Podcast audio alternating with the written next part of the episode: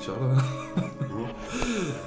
Ja, du lyssnar på Oknytt. Det här är en norrländsk humorpodd där jag, Kristoffer Oljetunnan Jonsson, sitter tillsammans med Marcus Flaskhalsen Österström och pratar eh, mystiska makabra historier över ett glas alkohol. Men idag har vi en gäst med oss i studion. Eller studion är det inte. Vi har en gäst hos dig. Det, Precis. och och det, det är Ulrik Bjur från, från Lost Bastards. Ja, Ja. exakt. Och This Night Without, men jag vet inte, ni spelar inte Nej, längre. vi, vi, har, vi har lagt ner. Nej, precis. Men, men Lost Bastards spelas. Ja, vi finns ju. Sen, eh, Vi existerar. mm, sen är vi aktiva, det är, liksom, det är en annan fråga. Ja, men eh, det är kul att du är här. Och du ska, Eh, ja. du, du ska vara med också sen i Helt kväll under en hundring, har vi. Ulrik tar alla gig han kan få nu under coronan. Ja, Bara, Vill du vara med i en podd? Du får, ja, ja, du får jag bara kommer. alkohol. Jag kommer, ja, jag kommer, jag kommer. Jag kommer, jag kommer. mitt namn syns någonstans. Ja, men det känns kul. Ja. Ehm, Men var kan man hitta dig? Dina sociala medier? Om Ja. man vill, eller är det hemligt? Ja, det är lite hemligt, men... eh, Nej, nej men alltså jag är Officiella inte så aktiv heller, men typ... ja, Men Instagram. Ulrik Bjur, ät Ulrik Bjur. Ja. That's it. Eh, och oss kan man hitta på ät på Instagram, oknytt på Facebook. Vill man mejla oss och säga hej eller något, då finns vi på uh, oknyttpodd.gmail.com. Eller säg hur duktig vi är på japanska. Ja. Ja, nej, men vi ska i alla fall idag prata... Ja, just det, man kan, vi kan säga också att vi finns ju på Patreon. Ok, Patreon slash oknytt va? Om Där man vill där man lite... kan höra ännu mer japanska. Ja, eller hur? Det är bra. Eh, så att eh, då ska jag prata lite nu om ett fall som jag fick upp ögonen efter vi, vi spelade in Marion Parker-avsnittet. Jaha, okej. Ehm, och alltså, för jag läste ju den boken och då, alltså den här om Marion Parker av han Troy Park, Troy, vad heter han? Troy Taylor. Va? Så då, jag hade även köpt den här av han som jag då läste. Eh, The Two Lost Girls, som all huvudsakliga informationen kommer från nu. Ja. Och eh, det fallet ska vi prata om idag då. Eh, och, ja, Det handlar alltså om två borttappade flickor. två, precis. Det- Slående titel. Eh, Så att det är ett ganska klurigt fall som skedde nyårshelgen 1956-1957. Jaha, typ Dahlia-epoken. Ja, lite några år senare. Ja. Ja. Mm, Men, Eh. Men det här var i Chicago, inte i... Ja, just det. Mm. Så, så i alla fall, då är det alltså då 13-tiden på förmiddagen då, eh, den 22 januari, en tisdag. Dagen efter min födelsedag. Wow. Alltså jag var inte född då, så att då... Nej, precis. Då är alltså den 39-åriga byggarbetaren Leonard Prescott på väg in till stan för att handla lite varor åt hans fru, som hon har bett om att köpa dem. På ett särskilt apotek. Han, färdas, han färdas österut på, på German Church Road då, en landsväg strax utanför Willow Springs. Det är en kall januaridag och det har precis snöat så att han kör lite långsammare än vad han brukar göra då. Vettigt. Mm. Jo, han är en smart man liksom. Eh, Så när han kommer då vid bron till ett ställe som heter Devil's Creek, då ser han någonting som ligger längs vägen. Såklart, i Devil's Creek. Ja, jo. Ja.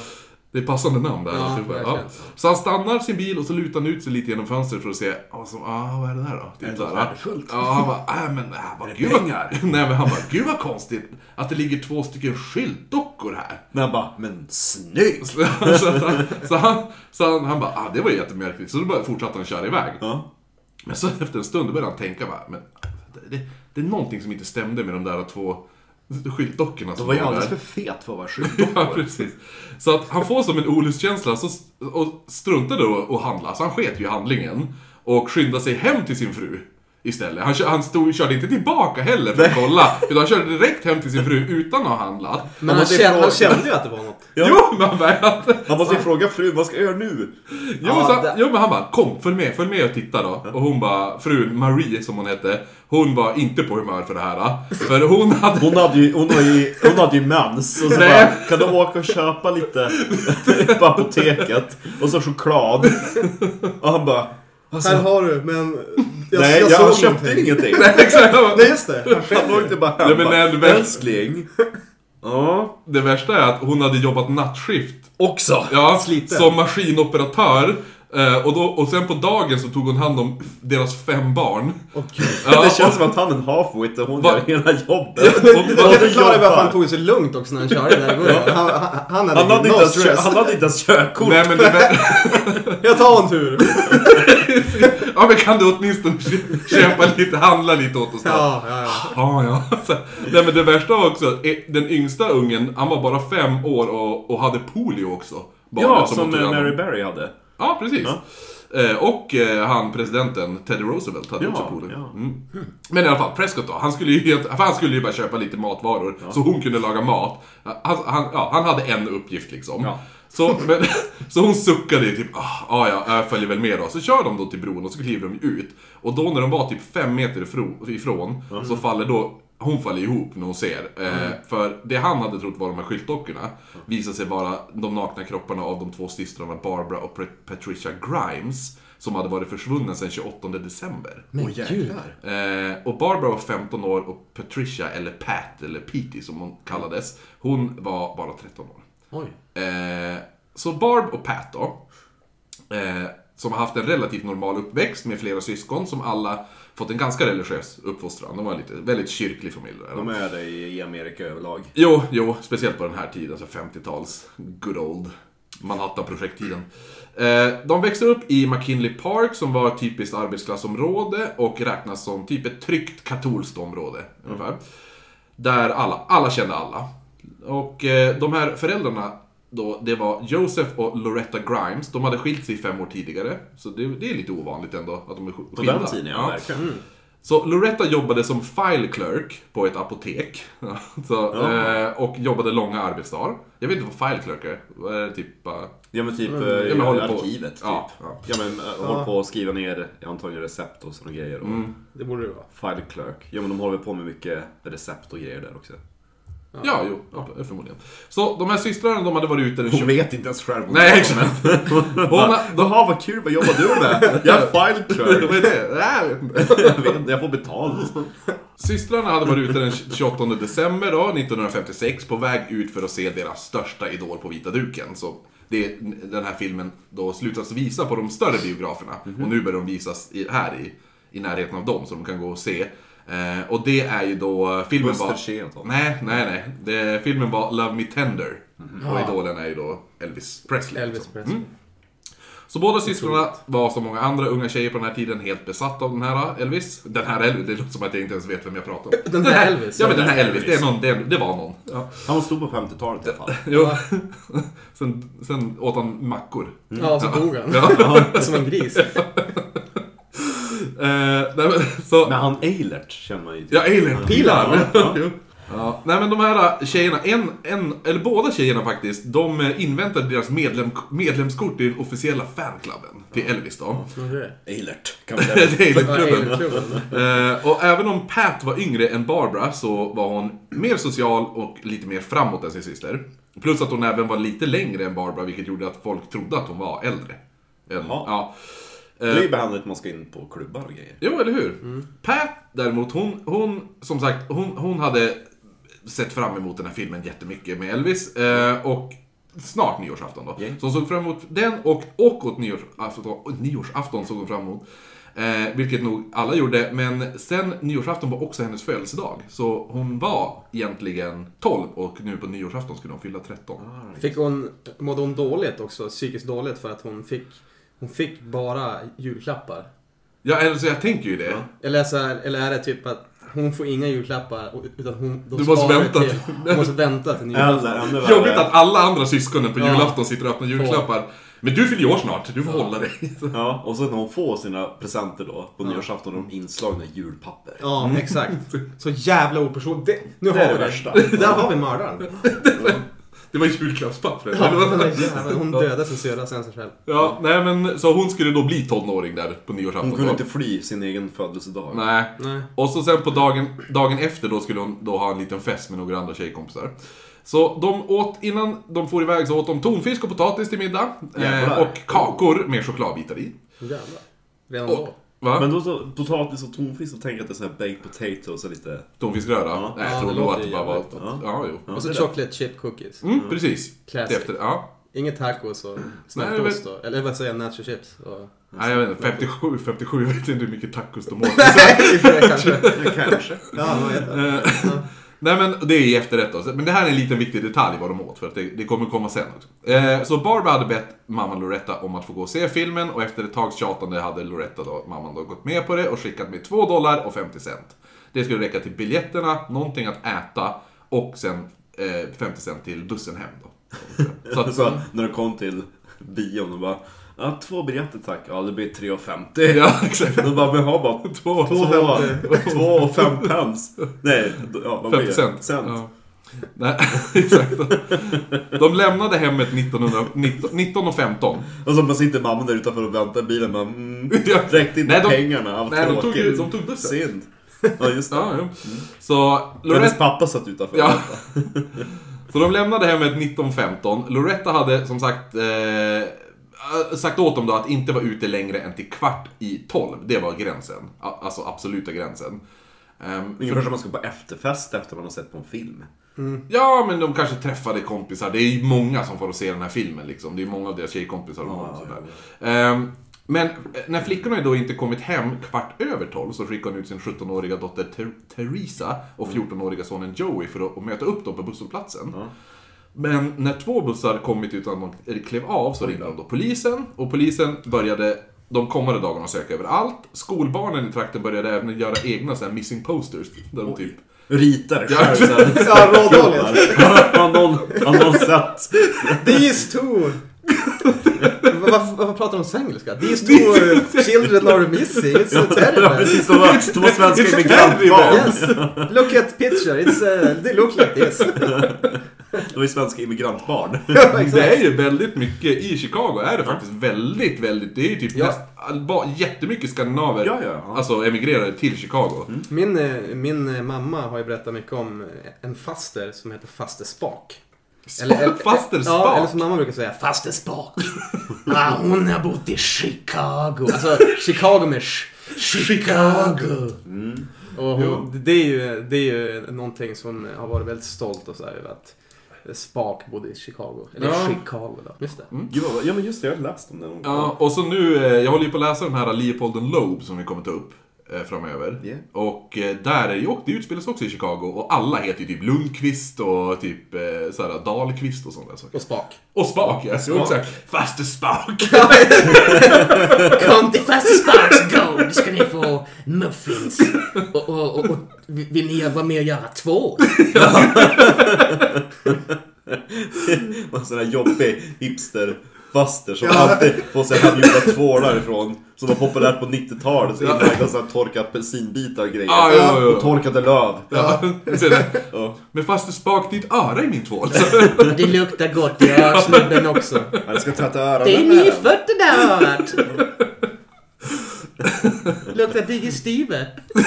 Vilken skräckfilm. Det också. Vilken skräckfilm det kunde varit. Faster Spak. Faster Spak, ja. Fy fan vad äckligt. Det ska. Eh, nej men då i alla fall, de här eh, barnen gjorde alltså missing posters då och eh, det blev ett fall som spreds över hela landet. Så medan flickorna var borta så anlände deras Elvis fanclub-kort, medlemskort dit också medan de var i posten. Och Elvis gick själv ut i media. Oj. Och sa till de här försvunna flickorna att om de verkligen var äkta Elvis-fans så skulle de ta och pallra sig hem till deras ledsna Jävla mamma. svin! Verkligen, det var dåligt. Fan vad jag hatar Elvis. Ja. Det Jo, var men- dåligt. Jo men för alla tar det ju som att de är två runaway-tjejer. Ja. Så, att, så han är ju typ bara Oh, sweet children, go home to your mama. Bra Elvis-imitationer. Oh yeah, sweet children. If you really love me, How we rock and roll. Let's rock. Kyrkan lovade också... Och så eh, tog han på en, en smörgås samtidigt. När han satt där i tv-studion. Kyrkan då hade lovat 1000 dollar till den som berättade vart eh, flickorna, flickorna var. då. Eller eh, alltså, eller vad man ska säga. Alltså om någon, någon kunde i, göra så att man hittade dem skulle de få 1000 dollar. Var det katolska kyrkan? Ja, precis. Smokescreen? Jo, exakt. Är det barn som är borta? Ta dem till oss! okej. Ta dem till oss! Ni får pengar. Ni får inte titta i källaren! Ja, jo, men jättebra att du vill, vill, vill så här, leta reda på de här två flickorna. Flickor? Nej, nej, nej, det, nej, nej, men då vill vi inte vara med. Jag tyckte ni sa pojkar. Ja, nej men så, då vad heter det nu? Eh, de gick då ut också med en bild där, eh, på de här två systrarnas vänner. Eh, där, där de var klädd i likadana kläder som de här tjejerna, alltså systrarna hade haft på sig när de försvann. Så att istället för att gå ut med bilden på, på, på de som är försvunna, så går de ut med bild på deras kompisar och säger de var klädd så här. Så dumt. Ja. Så, eh, vi kan Och så, lägga upp... där, och så de där hemmaritade affischerna. Ja, jag tror jag har den bilden här förresten. Vi ska tvärse. Jag kan, vi kan lägga upp den bilden. Oj, nu får de där igen. Um, här! Gud vad de posar. Ja. Ja. ja, faktiskt. Det ser verkligen ut som att de här. De tog tillfället i akt och bara Ja. Det här är ju våran Ja. runway-karriär. Ja. Ja. Och för den katolska kyrkan. ja, precis. Jävligt vidrigt. Ja. Okej. Oron bland befolkningen växte också eftersom lite över ett år tidigare så hade en annan hemsk tragedi som skakat den här staden. Och det här var det så kallade Schussler-Peterson-morden. Okej. Schussler tror jag. Ja, Schussler. Schussler. Eh, Det är alltså de tre pojkarna Bobby Peterson och Ja, brö- pojkar, ja, bröderna Anton och John Schussler. Så det var två bröder och en eh, och så en, en pojke som heter Bobby Peterson. Då. De hade även de fått godkännande av deras föräldrar att gå och se en film. En Disney-film som he- eh, det var en matiné som hette The African Lion. Som de hade sett. Lion King. Ja, exakt. Det var original. Prequel. Hamlet. eh, sex på kvällen då, eh, efter ett, alltså en ganska lång bit efter filmen hade slutat, så hade de setts i lobbyn i Garland Building, där Bobbys ögonläkare hade haft sitt kontor. Man vet inte varför, men de hade varit där då. Eh, och där hade, man vet det för att Bobby hade signerat den här besöksboken, liggaren eller vad man säger. Yes, yes-boken. Ja, så kvart i åtta så hade, hade pojkarna då gått in på Monte Cristo Bowling Alley där de setts med en 50-årig skumman. De hade, de hade fem över nio liftat iväg och sen sågs de inte igen förrän två dagar senare när de hittades bundna, nakna och döda. Eh, kropparna hittades i ett dike vid parkeringen på The Robin Woods Indian Burial Ground. Eh, där det är också så Indian Burial Ground. Det är direkt så här skräckfilmsgrejer där tycker jag. Eh, de här tre pojkarna då hade blivit våldtagna, misshandlade eh, innan de vart mördade. Deras ålder var 14, 13 och Anton Junior Schussler där, han var bara 11. Oj. Ehm, så jag blev en aning förvånad också, för, för alltså den här bilden som de har tagit, för det kom ju dit journalister, så de, alltså den bilden av de här tre döda pojkarna där de låg nakna i ett dike, dök, dyker, alltså, finns ju i den här eh, boken. För de hade den bilden på första sidan i, alltså, löpet liksom. Så osmakligt. Ja, det... Alltså, visst man, man... Så vi pratade ju tidigare det här att det, de lägger upp så här clickbait så här, ah, någon blir mördad, då går man ju direkt Exakt. in så här. Men här, på den här tiden, då la de ju upp liksom. Här, är, här ligger de död liksom. Alltså, det... Spritt språngande. Ja. äh, jävligt hemskt faktiskt. Men hade du inte säkert samma så här, bevis... Eh, alltså, samma sätt på att få fram bevis och sådär. Så Nej, men samtidigt är också så här... Vem, Och samtidigt så hade de inte heller... De skriver ut namn och alltihopa på en gång. Ja, Ja. jo. Men, eh, så att det var alltså första sidan på kvälls, kvällstidningen 19 oktober. Dagen efter de hittade. Jag menar, Vidrigt. kul, alltså... eh, Föräldrarna liksom Ja, där. De ja. måste ju inte ens hunnit bli informerade knappt. Nej, det känns ju inte så. Ja. Typ vakna upp. Eh, Men trots att en stor utredning så skulle det ta 40 år innan man lyckades få fast mördaren. Till Jävlar. pojkarna eller till... Eh, Så jag tänker inte fördjupa mig i det här. då, det, Vi kan spela in sen, du och jag kan spela in ett kortare avsnitt på Patreon när vi kan gå in. Nisse. Ja, ett Nisse-avsnitt på det här och ett annat fall som också är sammankopplat till det här. Men, men eh, kortfattat så ska vi gå in. Ja, hur som helst. Ja. Eh, så uppdagades allting i mitten av 90-talet när man utredde försvinnande från 1977 på arvtagerskan Helen Voorhees Brach. Voorhees. Ja. Som Jasons... Jason? Ja, Jason Voorhees. Ja. Hallå? Vad var det hans mamma hette? Jason Voorhees? Hette hon inte... Hette... Nej, hon... Det är väl hon? Ja, jo exakt! Ja, ja, mamma. exakt. Hel- Helen Voorhees, ja. Ja, ja exakt. Det var- Jasons morsa, liksom. När man utredde eh, på Jasons mamma. Ja, Nej, men så, då William Red Vermette, som var en infor- informatör åt FBI, berättade hur han hört Kenneth Hansen skryta om morden och hotat, att, hotat andra att om de inte... Alltså, you're gonna end up like the Peterson boy. Hade han sagt. Ja. Så att då började de utreda det här och Kenneth Hanson var vid tillfället eh, 22 år när det här eh, Mordet. morden begicks där då.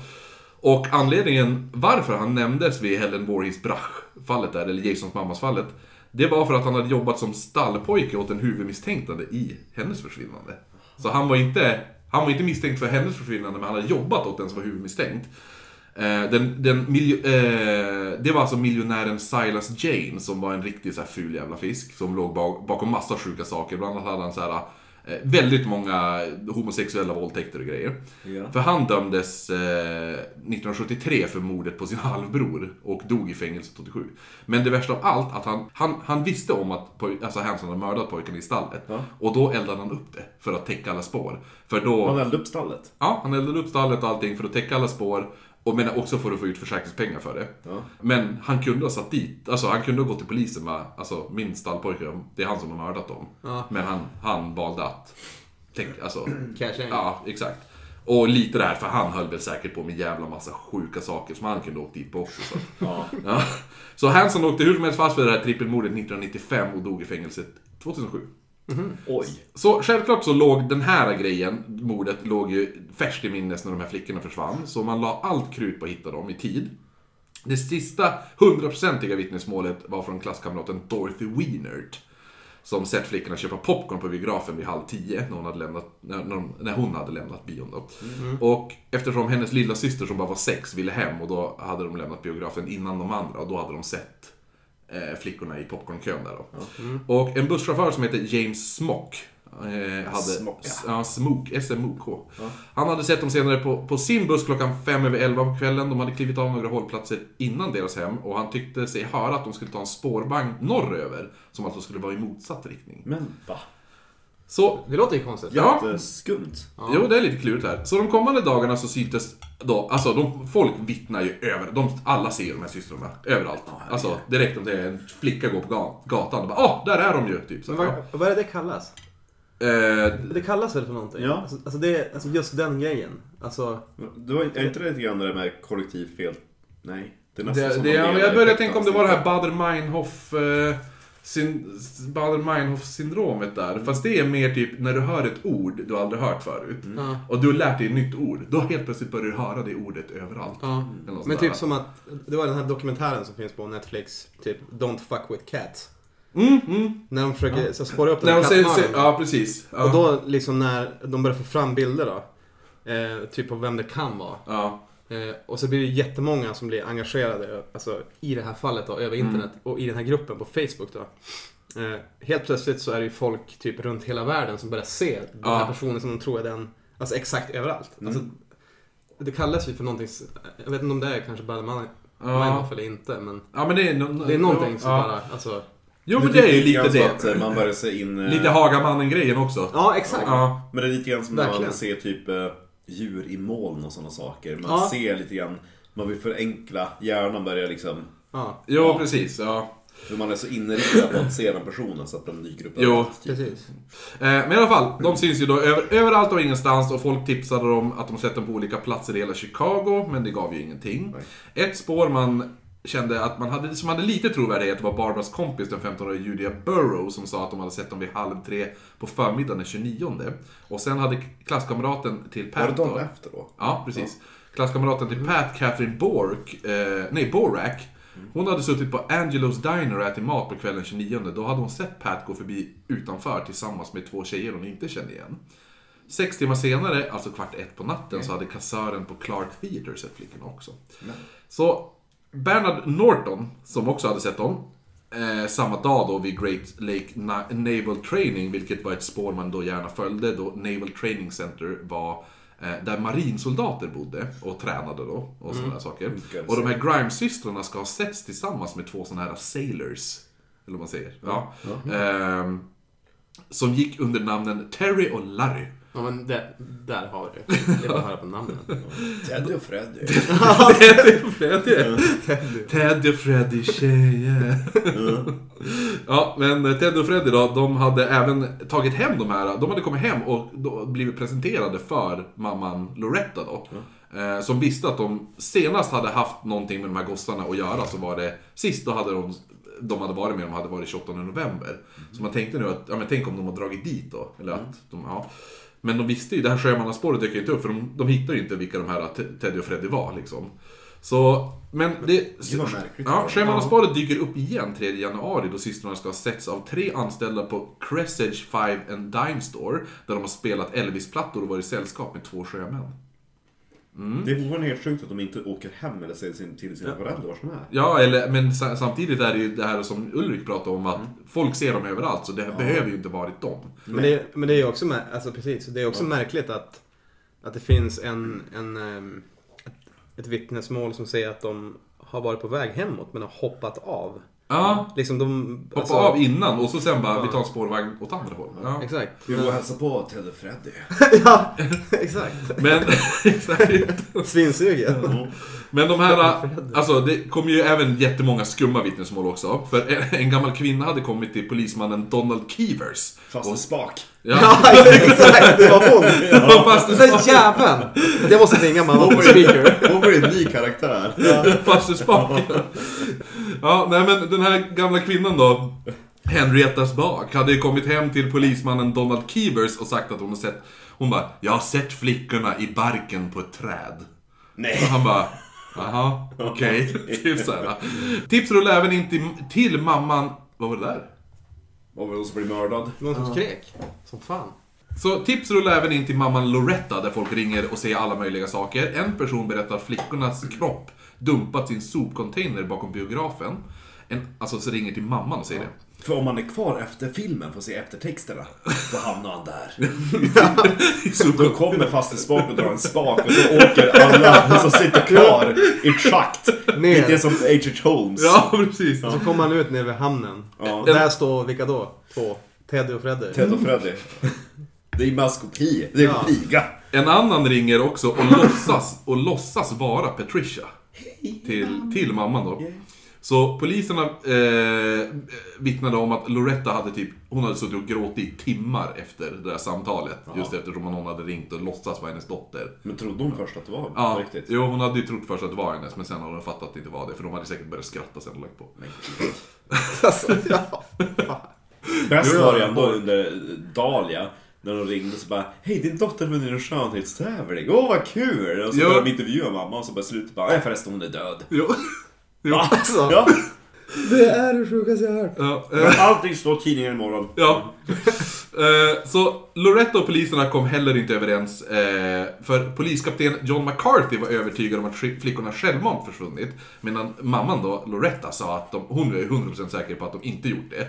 eh, utan att någon har tagit dem. Barbie hade till exempel gett hela sin decemberlön och bonus som tillsammans blev cir- cirka 25 dollar. Det hade hon gett till Loretta bara någon dag innan, så varför skulle hon då alltså, för, alltså, självmant försvinna? I, och så bara några dagar har hon gett alla sina pengar till sin mamma liksom. Eh, Loretta får även ett brev eh, som löd då, det ska jag läsa direkt från boken här. Betty asked me to go with her and her parents to visit her aunt. Uh, later we decided to go, to go to the movie. While looking for a seat, Betty no- noticed Barbara and Pat Grimes sitting with some other kids. We- Outside the show we all got talking and we ex- exchanged phone numbers. Vad står det? When we got to the street where we turned off, we said goodbye and ran across the street. Then Betty forgot something and she had to tell Barbara and we ran back to the corner. A man about 22 or 25 was talking to them. He pushed Barbara into the back seat of a car and Pat in the in the uh, and pushed Pat in the front seat. We got part of the license number as the car drove, by- drove by us. The first four numbers were uh, 2184. Uh, Betty thinks there were three or four numbers after that. We didn't think so much about it, but it struck us as kind of funny when we heard that they were missing and we didn't know what to do. Ja, det var väldigt lustigt. Ja, så att eh, hon får bara det där eh, brevet Ja, det kommer en bil och knuffa in och dra in dem i bilen. Nej, jag tyckte inte, jag tänkte inget mer på det. Nej, men sen när vi hörde att de var försvunna. Ja, då. Ja. Det, vänta, det var ju något. Jag gillar att du bara, vi la registreringsnumret lite grann på minnet. Jo, Men vi exakt. tänkte ingenting på det. Det Nej. var, det var något med tvång. Någon som blev Och så sen så, tvingad och ja, kidnappad. Men äh. sen så har de sett alla de här hemtecknade bilderna och bara, vad fan är det där för någonting?"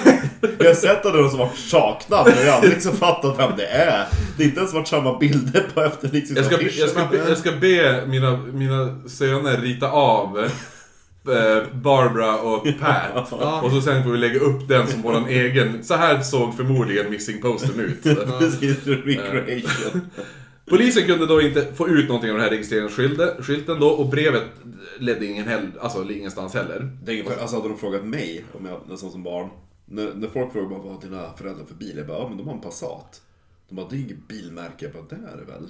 Ja men då finns det ju, det finns ju motsatsen också. Jo, det här är en fyrcylindrig, så att säga. Jo, för det hörde jag på ljud, hörde jag långa vägar. Alltså jag har en sån skido som jag brukar, jag köper en ny skoter varje år.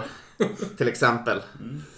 Ja, men jag hörde ju vad det var. Det var en Dodge. Så att, eh, men vissa, vissa tror också att det var personen som har tagit flickorna som skrev det här brevet. Nej men så 10 januari får då Henrietta Marshall, hette hon inte Henrietta? Jo! Fy fan! Henriettas... där- Nu har vi Henrietta det. Spak. Ja. Va? Vi är något på spåren här. Och hon jobbade med ungdomar inom kyrkan. Hon får ett telefonsamtal som gjorde att, som hon beskrev det, att håret reste sig på kroppen.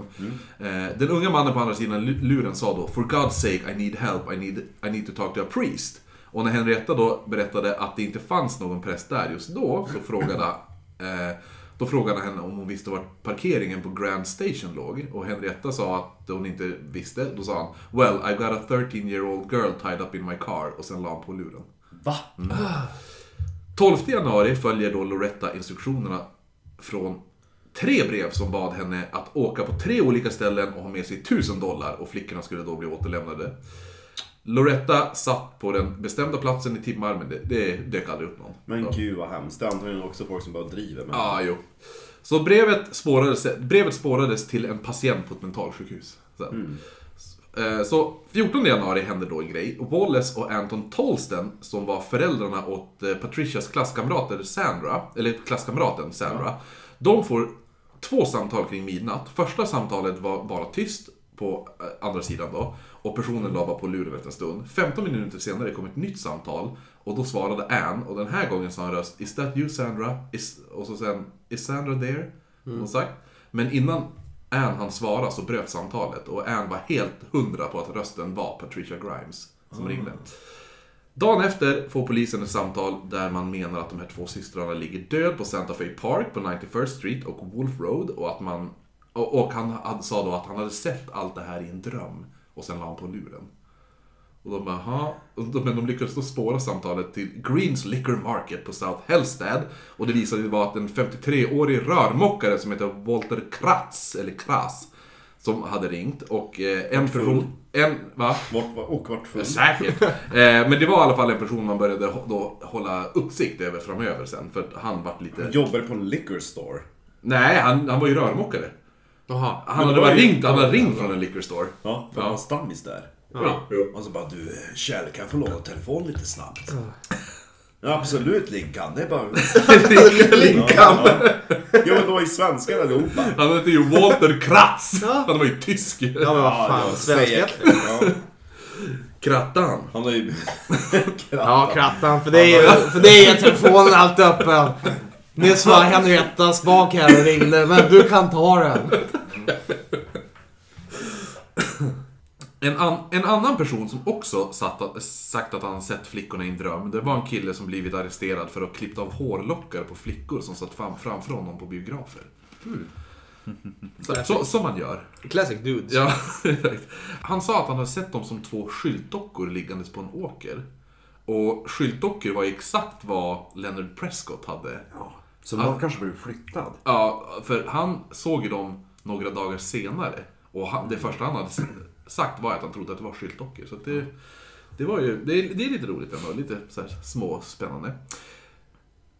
Jag kommer ta upp lite mer vittnesmål senare, men nu i alla fall till dagen de hittar kropparna. Så hur som helst så hittades då kropparna, som ni vet, en Tillbaka till hon den där stackars damen som hade mens som blev uttvingad i en bil. Att mot hennes- apoteket. Ja, mot Ja, apoteket, precis. Jo, ja. det var 22 januari. Ja. Vilket är... Ja, det, det är alltså... Det är väl... Det är 22 juli idag, så det är sex månader från 22 januari. Oh. Pre- precis.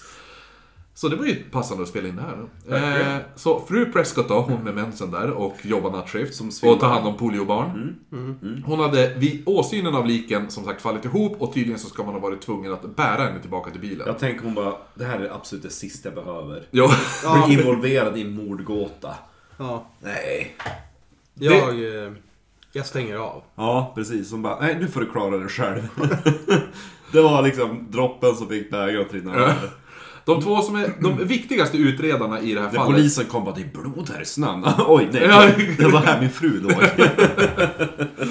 De två alltså, viktigaste utredarna i det här fallet blir Sheriff Joseph D. Lowham, och, eller Lowman är det, och rättsläkarens utredare Harry Gloss, eller Gloss, G-L-O-S. Harry Gloss. Harry Gloss, ja, Gloss. Harry Gloss. Harry The makeup- Gloss. Det låter makeup verkligen, det är riktigt detektivnamn det där. Nej. For extra sucky lips.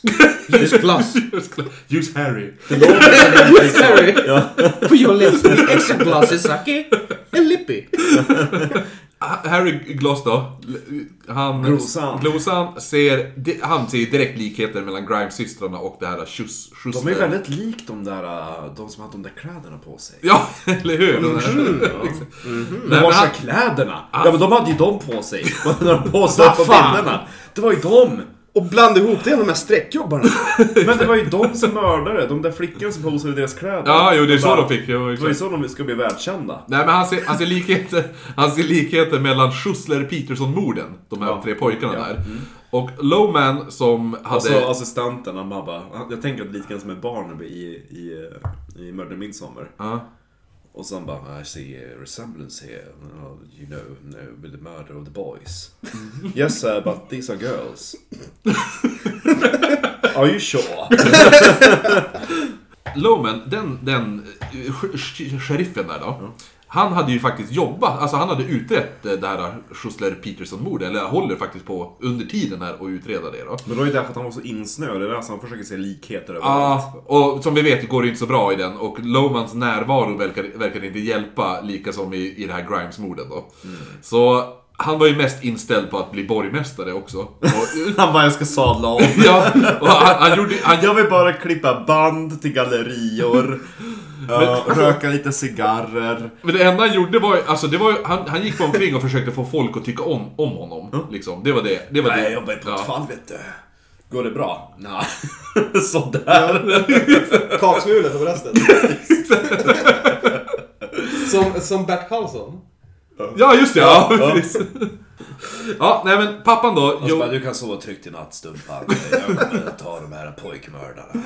Ja men alltså jag är inte orolig. Det var ju pojkar som blev mördade, inte flickor. Jag var inte så säker. det ska vi ändra på. Ja, precis. Nej men då, pappan då. Han har bara hyrt in en mördare så... Bara, du kan ju mörda lite folk, så ska jag haffa dig sen så blir jag berömd.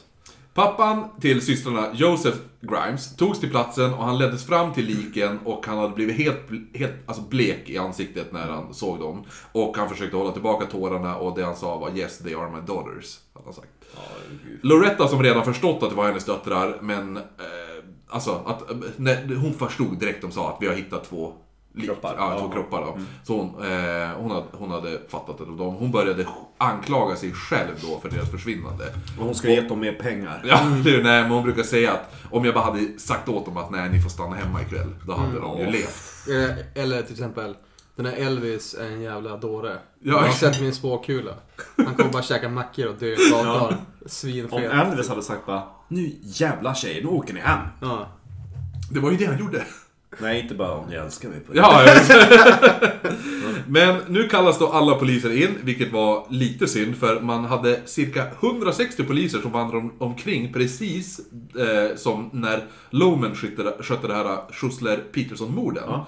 Så det var fullt av poliser, 160 poliser vandrar omkring på brottsplatsen och förstör typ alla eventuella bevis som finns. Men de snygg. Jo men de vill ju leta, de bara, vi måste hitta kläder och spår. Så de bara trampar omkring, 160 poliser trampar omkring. Här är ju Alltså, spår. Du vet, man vet ju idag hur det är, de bara såhär, brottsplats spär, spärrar av alltihopa, ingen får komma in innanför. Men här... Missing people. va? Missing people. Missing people får vi vara. Ja men de får Eller, inte... eller kanske inte på brottsplatsen. Nej, Eller, nej, nej. Vi snackar brottsplatsen, vi snackar Ja. inte... Ja, just det. Ja, Jo, precis. Brottsplatsen så att, så att eh, för så är det nu, men nu, där då var det bara Alla poliser kom! Nu ska vi leta! Vi har hittat en kropp! Två kroppar. Vi har hittat en till! akkurat, akkurat, akkurat. Så en polis som inte... Ja, det var inte bara svenskar ute, det var också norrmän. Ja, jo, eller hur? Nej, men en, poliskåren i Chicago bestod utav emigrerade norrmän. en polis som yttrade sig eh, då även till tidningarna där han sa att nej men vi ska inte göra samma misstag som i Schussler Peterson-morden. Men det gick ju inte så bra för de gjorde exakt samma misstag. Ehm, så kropparna hittas då helt nakna precis som i, i det här pojkmorden där då. Och man fann att eh, de blivit illa tilltyglad som det, de sa. Kanske någon luffare som inte hade kläder som bara Ge mig, ge mig era kläder annars dödar jag er. Patricias näsa verkade ha blivit bruten och båda kropparna hade blåmärken Och en plus att... norrman som gick över hans ansikte. Jo, eller hur? De levde men hade bara spa, sparat i... Ja. i Nej men och så, eh, så det var fullt med blåmärken på dem. Och Barbara hade även punkthål alltså i bröstkorgen. Som om någon skulle typ hon, huggit honom med en ishacka. Oj. Förstår du? Rättsläkarna, lä- rättsläkarna och obducenterna kunde inte komma överens om dödsorsaken. Men den officiella versionen blev chock och köld som dödsorsak. Vilket känns lite konstigt. Chock. Eh, De såg Elvis Ja.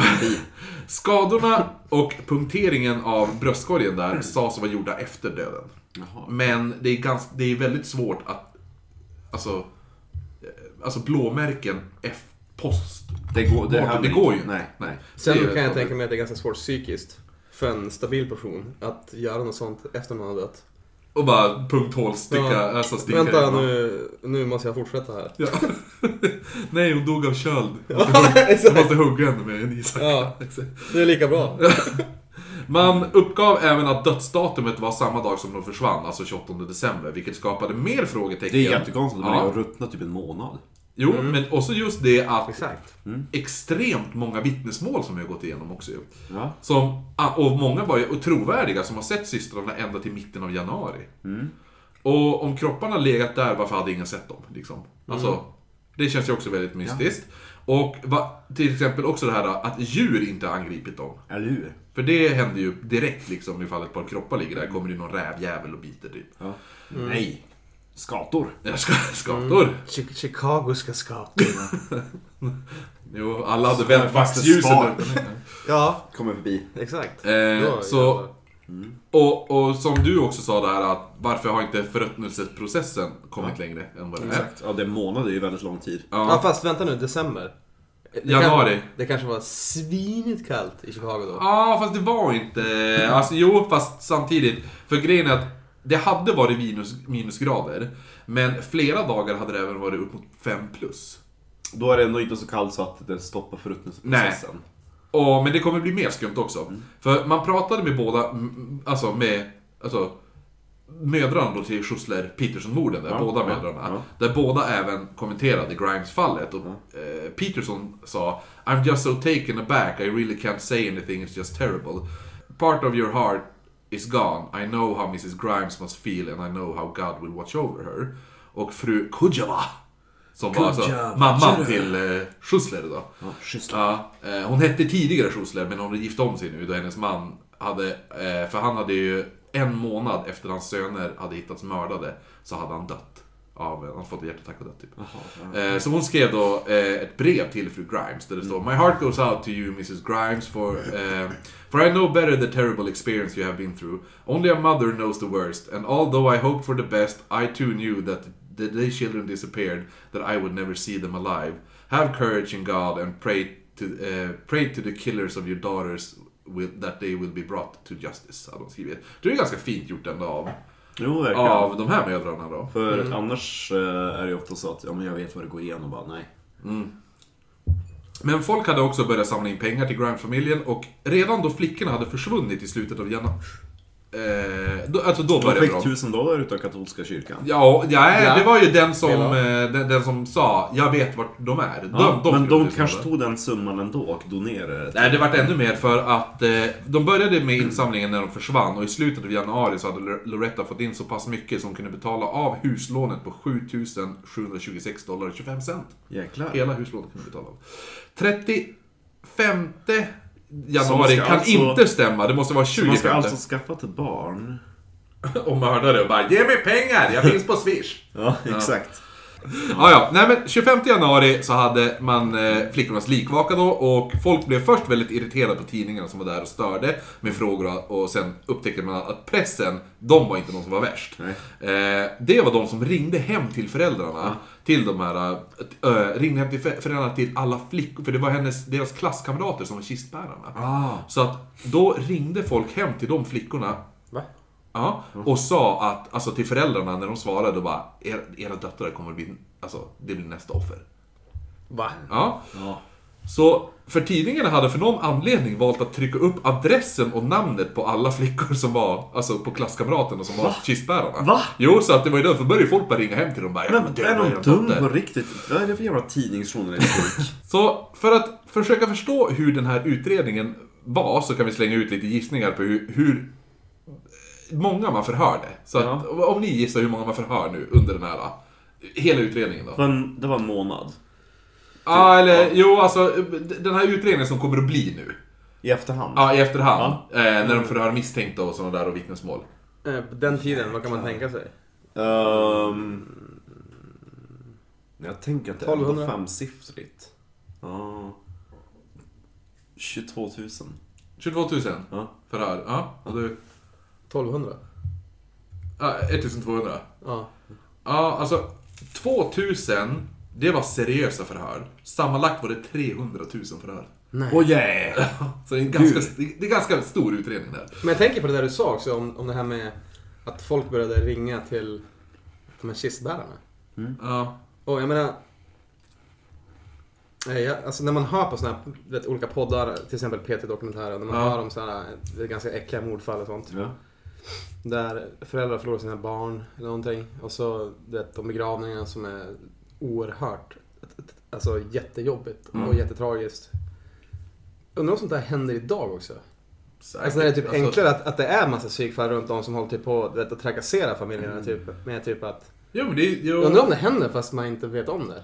Men det alltså, känns som att... Alltså, Alltså, alltså det, ja, säkert. Alltså det finns ju, alltså... Eller, eller fast jag tror kanske inte att de ringer, men säkert att de typ såhär idioter som typ kommenterar på Facebook, alltså sådana här... ja det finns ju, Ja, såklart. alltså, jag tänkte det här med som vill kontakta direkt, typ såhär. Ja. Som får någon sån här... Jag får lite psykisk- kick av det. Ja, ja. psykiskt storhetsvansinne. Typ. Ja. Det var jag. Och typ lägger på. Jo, eller hur? Eller någonting. Säkert. Ja, men absolut. Fast man, man, man vet bara inte om det alltså, på samma utsträckning idag. Liksom. För man går inte igenom lika djupt i, i utredningar alltså, som händer nu. Utan det är ju... Så jag, jag, jag, jag gissar, det skulle säkert vara så. Yeah. Ja, men i alla fall. Så, så man hade då, för grejen var ju det att det här var ju lite misstag att undersöka alla ledtrådar. Eh, för då sållades ju ingenting bort heller. Så, här, så att de hade bara en megautredning. Vilket gjorde att alla som utredde blev helt seg i huvudet och man var tvungen att hålla reda på alla namn och kopplingar och sånt där. Vänta, vänta, vänta. vänta. Ja. Ehm, hon den där äh, faster Spak. Ja, har, har, har, vi, har vi har vi förhört henne? Ja. Uh, Okej, då lägger hon i den högen. Ja, Och så han den där fyllot.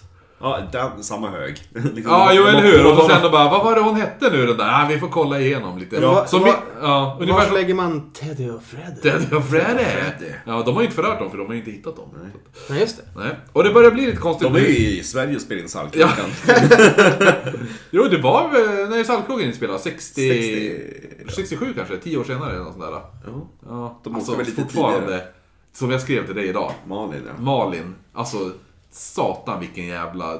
Alltså, Kulla. Ja, det är, det är, Malin Åkerman. nej, alltså Malin... Alltså hon som eh, spelar... Malin? spelar Saltkråkan? Sensuella Isabella! Nej. Ja, nej. Malin i Saltkråkan. Jaha. Alltså, skr jäveln. Skrollans eh, mamma. Och farbror Melkers dotter. Just det. Ja. Farbror Melker. Nej men, nu vidare till det här. Det börjar bli lite konstigt nu för en kvinna som har kört på samma väg som flickorna hittades bara en timma innan Ja. sa att hon, hon hade inte sett något där. Nej. Och hon, hon sa också att jag körde faktiskt väldigt sakta så jag borde ha sett dem. Men paret Woods, som rastat deras hund dagen innan, de sa att hunden har blivit helt galen kring den här bron där vid Devil's Creek. Där de hittades och ville verkligen till den här platsen. Men de bara, nej men vi ska inte, kom hit. Alltså du vet hur en hund kan vara liksom när de är ute och rastar. Så en lastbilschaufför också som heter Earl Kirkpatrick. Lastbilschaufförer. Ja. ja. Han... Och Earl. Ja, exakt. Ja, Earl Kick... Han pillar sin navel. Ja, Earl Earl Kirkpa- Kirk, Kirkpatrick heter han. Egentligen så heter han Öl. Öl ja. Öl. Och så bara Eh. Earl. Han var från Sverige. Öl. Han sa, han sa att han har sett två... Han sitter där och kör bakom sin ratt med sin ölmage sån som Han styr med kaggen. Ja, och så sitter han där med Norrlands. Eller en 7,2. Nej men han... han Jo, en 7,2. Och, så, och sen sån här äh, Brun jobbarkeps. glasflaska. Ja, och sån där jobbarkeps som man kan föra, armékeps som man kan föra ner så här Ja. för öronen. Ja. Och så det här V-vinkel där framme. ja, exakt. Och så, och så är han bara över och så sitter han med ena fing han, är- han har ena handen på ratten Ja. och så har han ena fingret i naveln och, och så Den brynja så Ja. han petar igenom maskhålen. Och så har Ja. han en gång tidigare har han spett på vänster sida han har tvättat det. Men det är fortfarande en fläck. Ja. Och så sitter han så här och så, och så tänker han That's right, go in nice and deep there boys. När han rullar runt fingret Ja, ja, ja. Jävligt äckligt. Han kan ju, man kan ju både Och så lukta dricka, på det. Han kan ju Ja. både dricka, pilla sig i magen Ja. och så styr han med kaggen. Ja, ja. ja. ja det mm, ja, öl. öl. Öl. öl, öl. öl. Med honom? Ja. Han sa... Fat shaming. Stackars han. Kirk, Kirkpatrick då, han sa att han hade sett de två flickor, en längre än den andra, några kilometer från där de hittades, vandra omkring i deras underkläder. Samma natt som de försvann då, 28. Och grejen var, han sa Weird.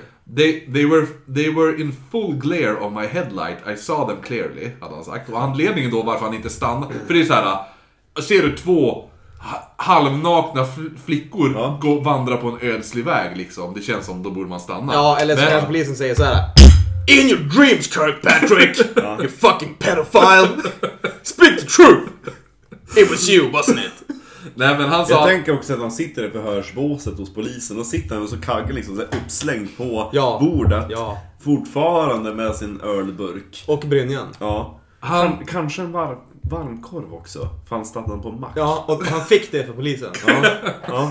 Och nej, dessutom, han har flera. Han har liksom tre Mellan stycken. fingrarna? Ja, så han har tre stycken korv med bröd mellan fingrarna. Och en börjar söla lite grann. Ja. Droppa. Lite senap och Ja. grejer.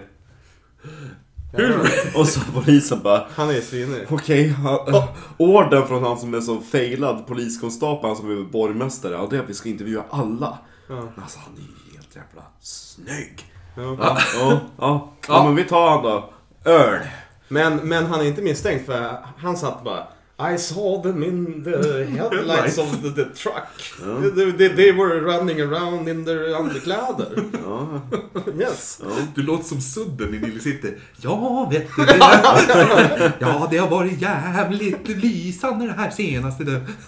Ja, Ja, okej, Nej, men i ja. alla fall. Han sa att anledningen varför han inte stannade var för att han trodde att det här var ett knep av såna här vägrånare som försökte lura lastbilar att stanna. Ja. Så att, alltså, han bara åh, där är några flickor och då, som behöver hjälp. Och då när han stannar, då hoppar några fram och typ rånar han då. Då vill åt han sexpack. Ja. Ja, Och... Sju eh, tår. med korvarna. Kaggen. Och det var tydligen hans fru då som, eh, för han, han körde ju vidare då. Och det var tydligen hans fru som menade att han sen skulle rapportera in det här, vilket han då gjorde då. Eh, Men i alla fall, som Han sagt. hade en fru. Jo, det hade han. Va? Eller så bara imaginary. Ja. Och så bara, men varför kom det fram nu då? Ja, frugan vet du, hon sa till att jag skulle knalla in till er då gubbar. Du ljuger, du har ingen fru. Jag har ju ring på fingret. Nej men som sagt, det flög in jättemycket, det flög in jättemycket Och så pekar vittnesmål. på fel finger också. Han har bara sett att man ska ha ring. Han vet inte vilket finger. Ja, på morgonen. What's on the agenda? Öl, du måste åka in idag. Du måste berätta det här. Nu blev, nu blev det lite Alltså det är så bra att han heter Öl. Öl, du måste... Det blev lite såhär, morgon och Tobias. Bubben. Ja. Öl. Ja. Det här kan vi inte Öl bubben. Nej men det flög in... Ica har stängt. Du måste gå till macken bubben. Hur ska vi annars få korv? Nej men, som sagt. Köp sex korvar bubben. Och så håller du mellan fingrarna du brukar göra. Och så säger du det du vet. Kom igen öl. Men spill inte för att tror de att du är oseriös. Då kan du torska. Som faster Spak gjorde. Och så, ta, och, och så tvättar du brynjan. Ja. det är bra. Du har kräkt där öl. Du har, du har kräkt där. Kommatecken öl. Nej, hon- kommer med sån här disktrasor och ska så här torka bort Nej, nej, ännu värre. Hon gör som mammor gjorde förut. Slickar på fingret så här. Kom hit. Inte i mungipan, men på förkläder. Det är kräk där! Slicka och, och torka med fingrarna. där Bubben. Nu kan du gå till polisen. Ja, exakt. Åh, jag får typ ont här bak. Åh, gud. Vem kunde tro att den här lastbilschaffisen... Att det skulle skena iväg på öl. Ah, ja, men hur som helst. Vad Det, heter han efternamn? Kirkpatrick. Kirkpatrick. Det låter som ett ölmärke. Ja, KP. KP. Eh, KP, ja. Såsen. Är inte det? HP. Nej, HP. ja. Ja, det. Nej, Men det kommer i alla fall in jättemycket vittnesmål, men ett av de här skulle leda till att en person nu blir arresterad. Och det är när Low, Lowem, eller Lowman då, beordrar... Jag tänker också att, att hon, att Morran sitter där med Bubben, har du sett det här mordet? Kan vi inte släppa öl nu? Ja, nej, nej, sa. Det, det är sammanlänkat vet du. Pojkarna och flickorna. Den här streckgubben, kommer du ihåg som du såg i parken? Den som du tyckte var så fin teckningen där. Kom igen. De har rivit hem den så satt upp den hemma. För att dekorera sitt sunkiga hem. Ja, nej men i alla fall, Lowam då, eller Lowman, eller hur, hur man uttalar Bubben, de det. har gripit någon. Det var Jo. ditt vittnesmål. Han- Öl.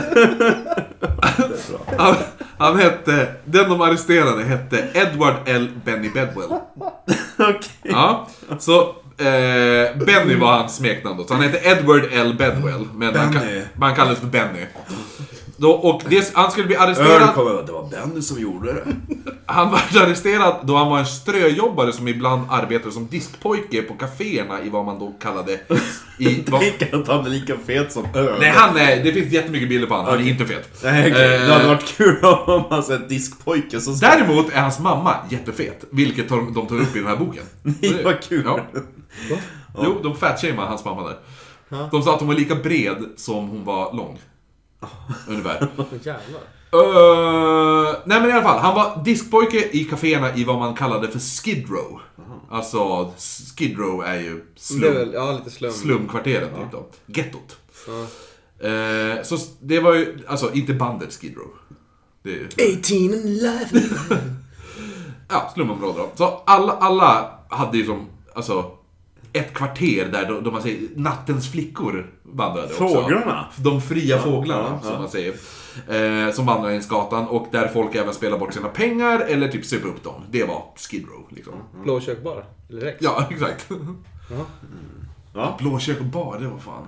Back in the days. Ja. Nej men Benny som var en, han var ju då också en småligist som tydligen hade polisonger som Elvis. Och en så kallad sån här ducktail haircut. Eilert. Om du vet vad ducktail haircuts är? Nej. Men det är väl en sån här som går lite så här va? Ja, precis. Och så går den ihop, Jaha. eh, där bak så går den ihop så här. Ja. Så att den Många går sådana maffia... Vad Alltså fult. var inte det lite sådär maffia-grej också? Va? Ja, jag kan inte... Många sådana backslick. Att det var som en... Ja. Så här ser det ut, vänta. Duck, ducktail haircut har vi här. Ska se. Så här blir det, ser det ut så att där bak, förstår du? Ja. Alltså det kortas lite sådär. Han var snygg. Ungefär som att någon har tagit händerna så här. Ja, och bara, Så här ska det Det var vara. ju så de gjorde. Ja, ja i och för sig. Så här räknas också ducktail lite. Okej. Oj, vad var det? Nej, det var nej, ha det fram. Ja, all right. Ja, nej men i alla fall. Det, är- det, är, en- det där är en ducktail vill haircut. lägga upp en bild på det. Ja, Ifall det finns Ducktail, någon ja. som lyssnar som kan fixa en ducktail så är priset att du får en, om du skickar en bild på dig själv med ducktail så får du en minut med min mamma och fråga vad du vill om Henrietta Spak. på kvällen. Hej älskling! Får hon svara. Eh, Men i alla fall, Skid Row-kvarteren var de, alltså det var det hetaste spåret man hade nu när man arresterat den här Benny Bedwell då. Men en person. Benny Bedwell. Ja! En Han var person, också svensk. Ja. En person som inte uppskattade det här var Loretta Grimes, alltså döttrarnas mamma. Då hon menade att hennes döttrar aldrig skulle sätta sin fot i sånt här område. Alltså det är ett hemskt kvarter, mina flickor var fina. Liksom så här. Inga smutsjäntor som har smuttat bräsa brännvin här inte. Nej. Om du vet, om du känner till bräsa brännvin. Nej men det låter ju för jävligt. Ja men det är det man Det var ju det man bjöd flickorna på, på dans, eh, när man skulle få till Br- det. Bjöd dem på lite brännvin som sen var lättare för dem. De kunde... Då var de mer villiga sen när de var lite lulliga. Jaha, ni menar som eh, nutidens typ piller? Ja, exakt. Så här, roofies. Ja, exakt. Fast det, då är det då som man bräsa brännvinet, inte roofies. Ja. Ja, bräsa Eh, ja. det, var mer, ro- det var mer romantiskt på den tiden kan man ju tycka. Sen bara, ja fast det var ju roofies. Ja, det var typ Bresa brännvin och så kubberisar som Vad är som kubberisar? pappa berättade om. Men kubberisar är att man fyller på med hembränt och så har man in någon droppe Trocadero och så bara på lite färg. Ja, ja. För Ja, på den löser tiden det. då var det så extremt mycket färgämnen i Trocadero. Ja. De blev ju typ orange. Jaha, Man som Ja. att man hade suttit och knaprat morötter hela dagen. Ja. Ja. Ja. Jävlar. ja, så då hade man ju lite. Trocadero för att få färg och så Ja. drack man ren sprit. Ja, ja. Sjukt gott, så ifall någon som lyssnar jobbar på Trocadero. ja. Kubberisar. Skicka upp en, en platta. Ja, de bara, de bara tävling. Ja. Grogga med Trocadero. Uppfinna en ny drink man. Det finns ju redan kubberisar. Ja.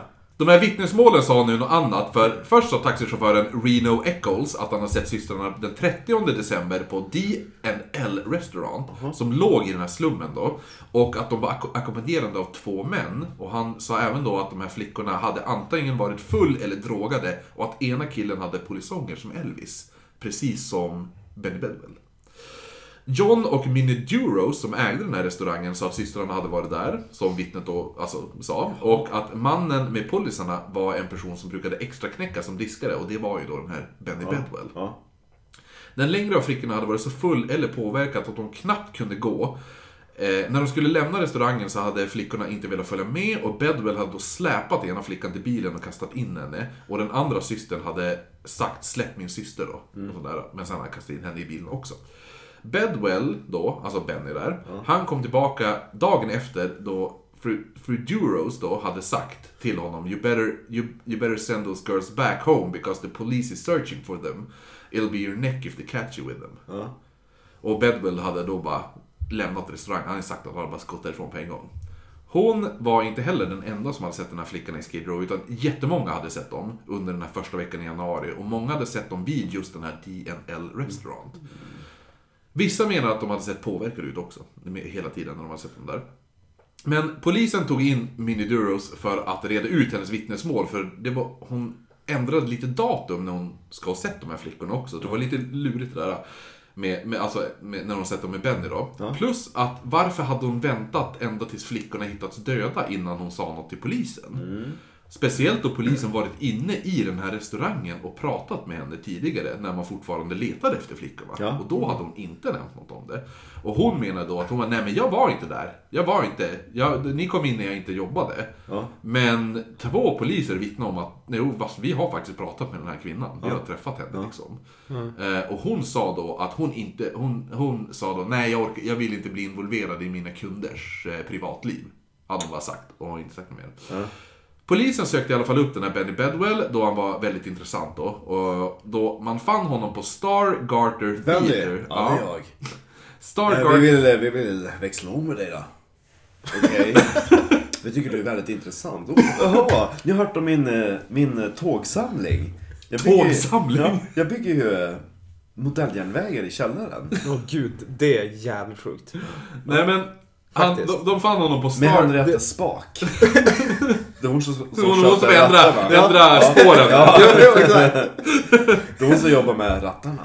Nej men de fann honom på Stargarter, eh, Stargarter Theater som eh, tidigare varit typ ett burleskhus och nu istället visade dubbelfilmer hela dagarna. Och sådana här double features. Ja, Edward Lee Bedwell, mer känd som Benny, var alltså en lång sydstatspojke med Elvis-liknande polisonger och en, som, som vi pratade om tidigare, dagtig frisyr. Mamman Ethel Lee Barnes var bara 16 år när hon eh, blev John Edward Bedwells femte fru, alltså pappan då. Ja.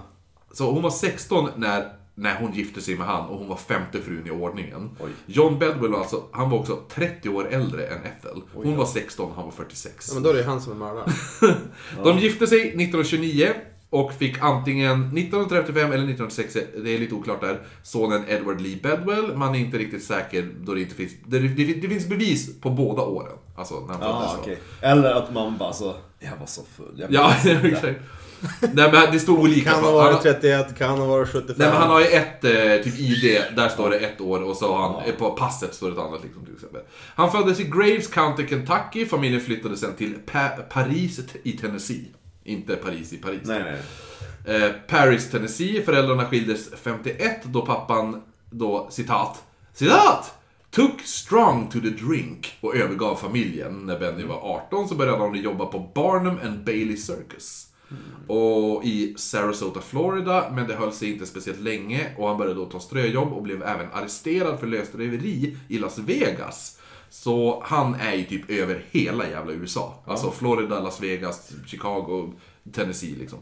Han kommer då till Chicago där han tar värvning i armén, men han, han var då soldat i sex månader. Sen var han tvungen att sluta och det finns olika versioner varför. Den ena var att hans händer var för känsliga då han brände sig på spisen när han var ett år gammal och därför inte kunde hålla i ett vapen. Den andra anledningen var att han började slåss i tvättstugan och skadade knät. Och en tredje version som stämde in då Han började slåss och typ såhär luftfäktas mot ett lakan. Nej, men- What you looking at boy? Come Han on hade boy. egentligen- hade egentligen skitfeg. Så att när han, Ja, när, han, när han hade tvättdag och så var han på hänga upp på så här lakan och bara "Tu- Tuff eller? Är det tuff eller? Ska jag snyta in? Ska jag snyta? Alltså, jag försöker ge en Så han var väldigt rädd för spöken. Nej men tredje version då stämmer in båda historierna. Att han ska ha skadat knät i ett slagsmål men kunde inte använda... Med ett lakan. Nej, nej, men han skulle skada knät i ett slagsmål men inte kunna använda kryckor för han hade så känsliga händer. Det var en till historia. Det var bara en ursäkt att få sitta i rullstol. Ja, men det låter ju så jävla konstigt. Vadå Ja. känsliga händer? Ja, vad, men han vad brände betyder sig- det? Det är så jävla orent. Vad fan menar Jag du? brände mina händer på spis när jag var liten. Jag har Ja. inte känsliga händer. Nej. Nej men du gjorde kanske inte så här. Jo. Nej, kanske jag tryckte ut Ja, nej men vad är det för psycho då som är ett litet äckligt barn? Som en jävla omen-barn som bara låter händerna ligga kvar. Även fast det gör ont. Alltså, det finns något som heter reflex. Ja, jo, och jo. faktiskt något som heter, alltså, man, det rycks bort. Det är inte så att man lägger tillbaka det bara. Nej. Alltså, alltså bränner du dig lite så här då, det är inte så att du håller kvar det bara. Nej, nej, nej. Hur som helst, han är lämnar i alla fall ar- armén i Det var ju bara att han ville sitta i rullstol och inte gå på kryckor. Så bara, Ja. men du syster Sara, du kan ju skjutsa runt mig. Nej, alltså du kan, det finns kryckor. Eh, Jag kan inte ta kryckor, jag har så känsliga händer. Han, läm- han lämnade armén i Syster. Sara, jag måste rasta den enögda ormen. Ja, han är, den där jäveln. Ja. Han, jag- han, Men gör det själv. Nej, alltså jag har så känsliga händer. Ja, exakt. Känsliga händer. Du får dra dina händer genom min Ducktail. ducktail. ja. För jag har så känsliga händer så jag kan inte göra det. Han gick runt på sådana silkesvantar. Mm. Och, Och så, hade- lite, och så lite den här. du, får, du får hålla i korvarna åt mig. Eller du Ja. får smeka mig i min navel. Jag har Ja. så känsliga händer. Han lämnade armén i april 1955 och när han blev arresterad så var han När antingen... han, tju- signade, när han signade in på armén, då kunde det nästan hålla i pennan. Nej, nej. nej men när han var arresterad så var han antingen 20 eller 21 beroende på när, när han föddes då. Eh, och han bodde i ett så kallat flophouse, eller dosshouse som man Oh, säger ja. i, i Storbritannien. Och, Dosshouse. ja, Bara hyrde in sig liksom ett rum en natt typ. Men vad är det då? Det är som ett guesthouse eller? Nej, Alltså, men typ det är en- typ... Ska inte säga, alltså tänk dig typ en läge, alltså det är inte hotell, men det är väl... Det är, det bara, det är väl bara Det är ett typ en rum? familj äger det. Alltså typ Ja. som man bor, ungefär som ett Ja, men tänk dig typ... guesthouse. Ja, men tänk dig att du hyr ut ett rum, är det inte det? Men typ lite så, fast det Ja. är i i regel väldigt, väldigt sunkigt. Jo, exakt. Det är, För det är ingen- det är regel ingen- väldigt, alltså, det är väldigt ingen- sunkigt. ja, det är Det är så här, det är det som är för att få öppna det. Det måste vara ja. två men det här är regler. alldeles för lyxigt, du får stänga igen! Det är två regler. Det ska vara det här och sen måste det vara sunkigt. Och sen får folk bo här. Jo men det är ungefär som med, ja, men hotell, motell och så dosshouse då. Ja, men Dossas var det inte också att flera personer kunde hyra det rummet? Jo. Har jag för mig. Jo. Typ, det, tänk dig, det, det är bara jävla ett rum i en lägenhet fullt med sängar. Min etta, där jag bodde med pizza. Ja, din gamla källarlägenhet. Ja. Tänk dig det, fast bara sängar där alla var ah, ja men jag sover här i natt. Ja. Ja, ja. Ja, och så betalar man en slant. Så, typ. så han bodde i ett sånt, han betalade lite. Ja. Okej. Eh, det här var då alltså... Det, det, det var ett hotell som ägde det här, som var The McCoy Hotel som låg på Då var branchat ut. ja, the 949 West Madison Street, huvudgatan. Deras reklam bara Come and stay with us. Så, vad heter hotellet? Eh, det hette McCoy Hotel. The Hotel. McCoy Hotel. We're a boutique hotel. If you can't afford us, try checking out the McCoy Motel across the road. The McCoy Does House. Ja. Or the Does House. And if you can't afford that, if you're really on a budget, you can go to the McCoy Doss House. Det... For as little as one cent, you can hang on a rope. Det var ju också såhär... eh, And our buddy Earl will take care of you. He'll bring you sandwich and hot dogs. Nej, men i alla fall, det, det här låg alltså på 949 West Madison Street. Det var alltså huvudgatan i Skid Row och samma gata som den här D- Really? Great location to all the tourist attractions. Only a short walking distance from Chicago. Nej men det var, det var samma gata som DNL Restaurant låg på också. Hans mamma Ethel då, som jag pratade om, de fatshamade lite, beskrevs vara 1,50 lång och väga 100 kilo. Eh, och menade att hennes son, hon sa att hennes son var en latoxe som ansåg att hela världen var skyldig honom att hans liv skulle vara bra. Förstår du? Lite såhär, alla hade, alla hade skyldigheter mot honom, men han hade inga skyldigheter mot någon annan. Gunilla Persson. ja, Gunilla Persson. Men alltså hon, eh, hon lät, hon let herself go efter hon hade fått barn. Gunilla Persson eller hon här? Hon. Morsan. Ja. Gunilla Perssons mamma. Hon kanske gjorde det. Ja, hon levde ju då säkert. Ja, men hon är väl... Ja. Gunilla Perssons mamma. Nej, Gunilla Perssons mamma lever. Hon, hun lägger upp bilder på hennes morsa hela tiden. När hon ligger i en säng typ såhär. eh, hon sa ju då att, hon, att han, Benny då, hennes son hade ströbott hos henne och hennes nya man och lånat pengar. Eh, av dem då, men att de till slut sparkat ut honom. Men hon sa ju det, men ändå, han, han är ingen mördare. Så hon hade sagt He's a good boy and I like to see him. If he did anything wrong he'd tell me I'm his mother, hade hon sagt. Tänk att hon kom in där som Margit Margarin. Ja. Eh, ni, kan, alltså, eh, ni kan få se henne här. Vi får se om hon väger 150 kilo eller vad de sa. Mm, jo. Alltså Margit Margarin. Ja. Alltså, ganska roligt uttryck. Där är Benny Bedwell och eh, hans mamma. Och för hon var lite... Oj, var hon ganska trinn. jo. Vänta, får se. Ö- Överraskad sa han det. Oj, I ljuset av oj hon var lampan. ganska trinn. Jag gillar att det ser ut som de kisar mot min kamera. Blixt faktiskt. Ja, Åh gud vad hon var... Jo, Så- jo, jo, jo men mm, han var lång och hon var kort och tjock. Ja, hon var ju 1,50. Det är gränsen till dvärg liksom. Ja, hon Ja. är ungefär, ungefär som drottning Victoria. Jo, hon var väl också lika bred som lång eller sånt där. Eh, Benny själv sa att han aldrig sett systrarna och att de här två tjejerna som var med han på den här restaurangen var några andra. Den äldre av dem ska ha hett Carol och eh, när de ska då ha varit på, på bio på Century Theatre så hade de, flickorna då gått på toa och sen stuckit därifrån. Ja. Men Benny hade ju även synts tillsammans med en annan man den här kvällen. Ja. Och man lyckades eh, hitta honom och han hette då Richard Whitmire och var en 28-årig spoling då som hade eh, så här, långa, alltså han hade väldigt mycket så här, småbrotts i polisregistret där då. Senaste året hade han åkt fast för stöld och stulit två klockor värda 81 dollar. Så på den tiden, det är ganska mycket ändå. 81 dollar. Han spenderade även tid i häktet för willfully and felony, äh, äh, fellas, feloniously övergett sin gravida fru Sadie Bell Whitmire. Eh, och han bekräftade även Bennys historia, men att eh, han sa också att de hade varit med eh, Alltså, han sa att de hade varit med flickorna, men han sa också att den, han trodde att eh, det var en till man som hade varit med, som hade varit från Puerto Rico eller liknande. Han Puerto trodde Rico. det. Puerto Rico. Puerto Rico. Vad sa du? Han trodde det. Ja, han, jo, han, han visste att det var en till kille som var med, men han trodde att de var från Puerto Rico. eh, Puerto Rico. han, jag gillar också att man kan åka in i fängelse, i häktet för att överge sin gravida fru. Det var lite spännande. Det var ju bra ju. Ja. ja men det var en bra... Det var jo, bra. det är väldigt bra. Ja. Eh, han sa även att Benny var en riktig ladies man och... Jag trodde bara att hon var tjock. Vem? Ja, men min fru. Ja, exakt. Det var därför jag övergav henne. Han fatshameade sin fru alltså. Han sa även då att Benny då, han var tydligen en riktig ladies man och höll inte koll på alla tjejer han höll på med. Men han sa att när det kom till de här två tjejerna som syns med så var det den 19-åriga Irene Dean från Grand Rapids, Michigan och hennes 18-åriga kusin Carol King. För Benny hade också sagt Keep it in the family. Ja, jo. För Benny hade också sagt att han trodde att det ena hette Carol. Men när Minnie Duros fick se bild på flickorna så sa hon, hon alltså... Hon, Minnie Driver. Nej, Minnie Duros som eh, drev den här restaurangen, DNL ja. där.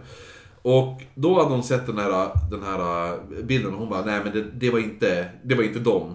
Alltså... Eh, alltså flickor, det där var inte dem, det var Grimes systrarna. De här flickorna har jag inte sett liksom. sådär. Eh, men de här två kusinerna däremot. Eh, Carol och vad den andra hette, jag kommer inte ihåg. Men de bekräftade att jo, men vi har varit med Benny och Whitmire då.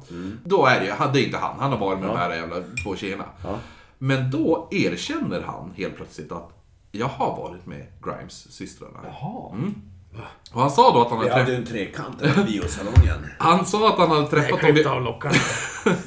han hade träffat dem vid åtta tiden den 29 då de hade varit tillsammans med en annan man eh, på Harold Club som låg dörr i dörr med DNL Restaurant. Han hade tänkt bjuda alla på drinkar men bartendern sa att flickorna var för unga så då hade de gått till Greenfront Tavern och köpt eh, åtta rundor så här, alkohol typ. Oj då. ja. Han var rik. ja, det var nog inte så dyrt att dyra öl på den tiden liksom. Så här. Eh, efter Det fan en läsk. Ja, men efter det... krogen 30 spänn.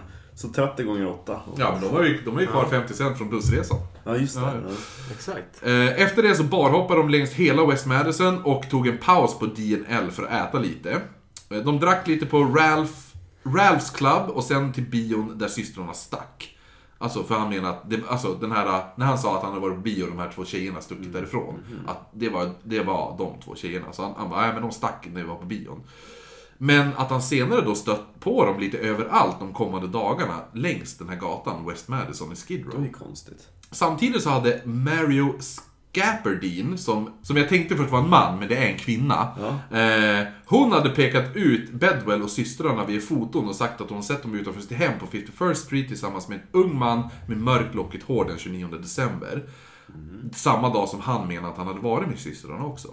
Hon hade då reagerat att tjejerna sett drogade ut och bar såna här ballerinaskor. Som de hade, såhär ballerina shoes. Det är, ja. vet ni hur de ser ut? Jo, Typ, ja. ja, ja. Ja. Eh, jo, och, och hon, hon bara, men det är ett konstigt, alltså det är skor man har på sommaren liksom. Det är inte skor du har på vintern. Ballerinaskor går man Ja. inte ut på stan med. Nej, men det är, det är såna här skor, vänta. Såna där skor. Ja. Alltså vanliga. Eh, Vadå nej? Ballerinaskor är ju dansskor. ballerina type shoes. Alltså, Ja. de, de, de här skorna kallas för ba- ballerina type shoes. Ja, ja. ja. Ja, det var inte, hon hade inte riktiga, äkta ballerina Nej. dansarskor. Nej. Utan hon hade ballerina-liknande skor. Yeah. Hur som helst. Mm. Det tyckte hon var väldigt konstigt eftersom, alltså, det var mitt i vintern liksom. Mm. Det här intresserade då poliserna att Grimes-systrarna faktiskt hade haft såna här skor när de gick till bion. Alltså de, såna, som hon pekade ut, de hade haft på sig såna skor. Mm. Så, eh, sen kommer en till här person nu. Grace Kritikos, som var manager på New Albany Hotel på 231 South Hessel Street, som låg då i Greektown, som man kanske förstår från hans namn. Precis bredvid Skid Row. Han sa att han hade nekat Benny Bedwell ett rum när han hade kommit in med två flickor som han tyckte var alldeles för unga. Och eh, de var extremt berusade eller höga och det här var samma natt som systrarna försvann. Ah. Halv åtta samma kväll så hade servitrisen Ann Povich sett Benny och systrarna och en annan man på sitt jobb som var på Mount Pindos restaurant. Men gud vad de har ränt runt. Ja, där flickorna hade ätit ice Men cream. det här känns inte... Alltså... Nej.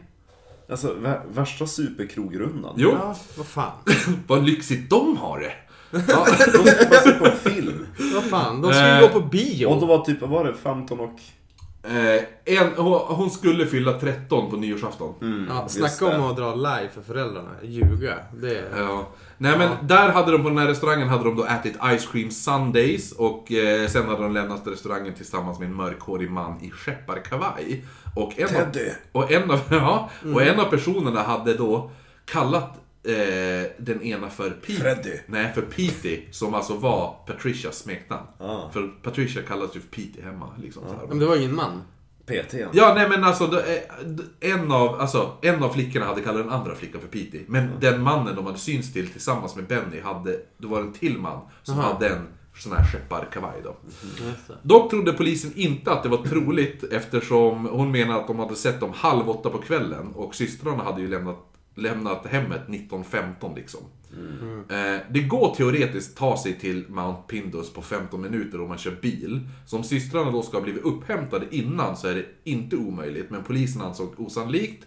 Och Ann Povich sa senare I tried to help the police back when the whole thing happened and they wouldn't listen to me. Så hon menar ju att, jag, sa, jag försökte ju berätta det här men polisen brydde sig inte om min... Det, ja.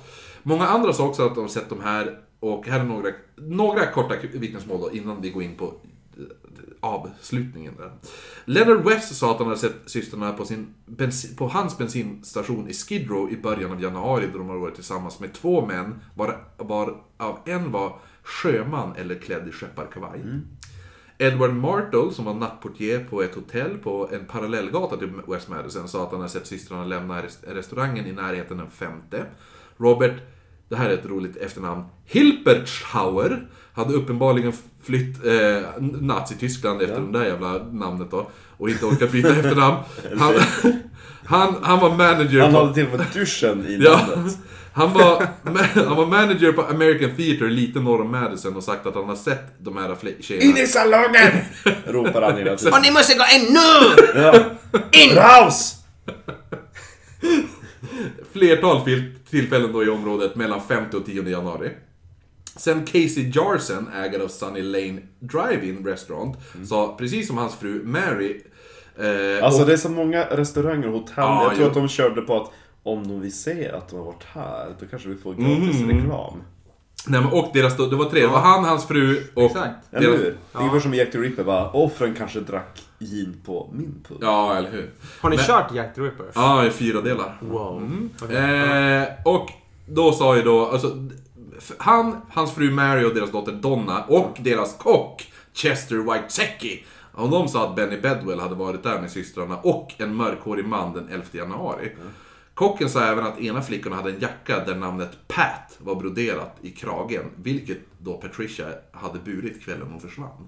Så det är ju en väldigt trolig, alltså, Ja, detalj ja, där. ja, och det är ju kanske en ganska avgörande grej när det Ja. finns så mycket ett olika vittnesmål. Jo, eller hur? Exakt. Men, Patten. patten. Poliserna försökte pussla ihop allting, då höll de på det där. Då helt plötsligt ändrade sig Benny i sitt erkännande och sa nu att han hade sett morden på flickorna. Och att det var två män han och flickorna hade festat med den 30, alltså 13 januari som hette Frank och Louis. De, hade då, de två skulle då ha mördat systrarna. Han sa att Frank var ljus och Louis kanske var från Puerto Rico. Puerto Rico. Ja, han hade mött upp de här männen och systrarna på Skid Row och då hade de druckit och sen hade han kört, de kört ut bil och stannat för bensin på 87th Street där flickorna hade lånat toaletten, vilket då stämmer överens med Leonard Wests vittnesmål. Ehm, Efter det så hade Benny kört de här fyra personerna Medan de hade suttit i baksätet så hade han hört lite stök men han hade inte brytt sig speciellt mycket. Men han vänder sig om så ser han att systrarna var döda. Men det är en väldigt, alltså... Fyra personer. Varför, alltså ingen sitter fram. Nej. Lite knepigt där. Ja, hur som helst. Men det är konstigt, vadå? Och inte upptäcka något. Ja, Helt plötsligt vänder jag mig om och så är alla döda. Och då tar jag deras kläder och kastar ut dem på vägen. ja, det var det som hände. För då klädde han av flickorna, dumpade sen kropparna vid sidan av vägen. nu har jag ju chansen äntligen att få se dem nakna. Ja, Så jo. ben, Benny gjorde det säger han. Ja, Benny säger att han hjälpte till att klä av tjejerna och dumpa dem då på den här platsen där de hittades. Och körde hem då. Och han såg aldrig Frank och Lou igen. Poliserna testade Bennys historia och bad honom leda dem till platsen där, där, där allt det här skulle ha skett. Men Benny ledde polisen mitt ute i skogen till en helt random plats och till slut sa han bara nej men alltså jag ljög. Det, det hände Han ville ju inte." bara ha uppmärksamhet. Och när man frågar varför han ljög så sa han att han bara, ja men jag hoppades att, att ja, men om jag sa det här så kanske ni kunde släppa mig. Alltså, Men alltså dum på riktigt. men på väg tillbaka till häktet så ändrade han sin historia igen och sa nu att personen Louis, som han pratade om, det var egentligen han själv. Och att han och Frank hade tagit flickorna till German Church Road 30 misshandlat dem, slitit av dem kläderna, dumpat dem i en snödriva och efter det så hade de stannat eh, för att äta korv på Sunny Lane. Där är Öl! Öl! Ja, Korven! ja, Ölkorven! Det är därifrån det ja! kommer! Ja! Det är hans eget fan! märke. Det är så jävla gott. Alltså Ja. ölkorven som... Jag kommer inte ihåg. Skit i det. Eh, håll käften Ulrik. Jag ska inte... Okej. ja men fortsätt. ölkorv är nice. Ölkorv Ja. är jävligt gott. Men Där får man plats med många jag- ölkorvar mellan Exakt. fingrarna. Ja, jo. Men öl, ja ja. Ja. Nej men då där på Sunny Lane, där ett vittnesmål då fanns. Alltså, för han sa även att Ja, det var ju under... öl. Han Ja, såg jo. dem. Ja. Han sa också att under den här veckan innan mordet så hade han tagit eh, flickorna på sprit och sexfester i Skid Row. Men vad är det för fel på folk? Bara, Hur gammal är du? Ja, jag, jag ska fylla 13. Haka då, på går här. vi, då går vi på en sprit och sexfest. Ja. Nu ska du- jävla jänta, nu ska vi åka runt på alltså, krogrundan utav helvete. Nu ska du få bräsa sprit. Ja, Bresa brännvinet. Ja, brännvinet. Ja, Han sa att han misshandlat dem och lämnat dem nakna för att dö och efter, eftersom de inte ville ligga. Och efter det hade de bara... Alltså, de hade varit... Först då tänkt att bara, men vi visar, lär dem en liten läxa. Men, och spöa skiten ur dem. Men Vad då, är det med att lära folk en läxa för att de inte vill Ligga. nej, nej, men ingå Kommer i något tillbaka? sexuellt Ja. såhär, råsjukt, jättekonstigt jävla trauma. Varför ska man lära sig en läxa? Vad, vad är det som en... Jag fattar inte det där. När de kommer tillbaka bara, nu beteendet. hoppas jag ni har lärt er flickor hur det går när man säger nej till kuk. Ja, så nu nästa gång så ska ni ropa ja! Tack! Tack! Eh, nej men då... För när, de hade, Ja. när de hade misshandlat då så hade båda svimmat och den så kallade Frank då hade kommit på planen av att göra sig av med flickorna. Bedwell sa även en snyfthistoria för att mål, alltså, måla ut sig själv som offer då han sa I didn't mean to hit her so hard. Och sen att han, ah, ah, ah, men, han, han trodde inte att de var död när de åkte därifrån och sa att han, han kände sig ledsen för Grimes-familjens skull. Och skyllde allt på sin barndom och sa If I had a decent break at home If I had a thin mother. Alltså, alltså, if I had a decent break at home and an Och education... så, och så hon bara, hon bara, nej han bara, har ni, har ni sett min morsa?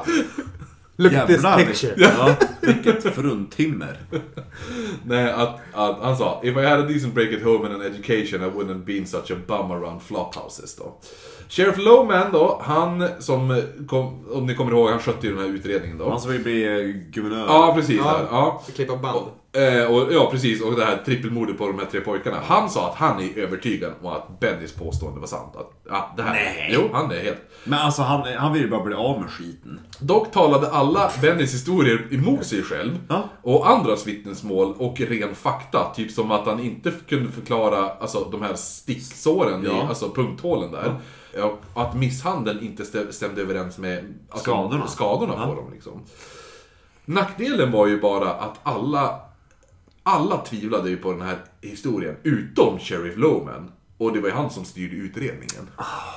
Så en av de som verkligen tvivlade på den här teorin var ju Loretta, som mamman, som nu stod i tidningarna överallt och sa It's a lie! It's a lie! My daughters wouldn't go to Madison Street, they didn't know where it was! Hade hon sagt. Ja. Sen fanns det ju dock ett tvivel till, för Benny Bedwell sa ju att han hade legat med tjejerna och dragit runt dem på sexfester. Men enligt obduktionen så var de här tjejerna oskulder. Ah.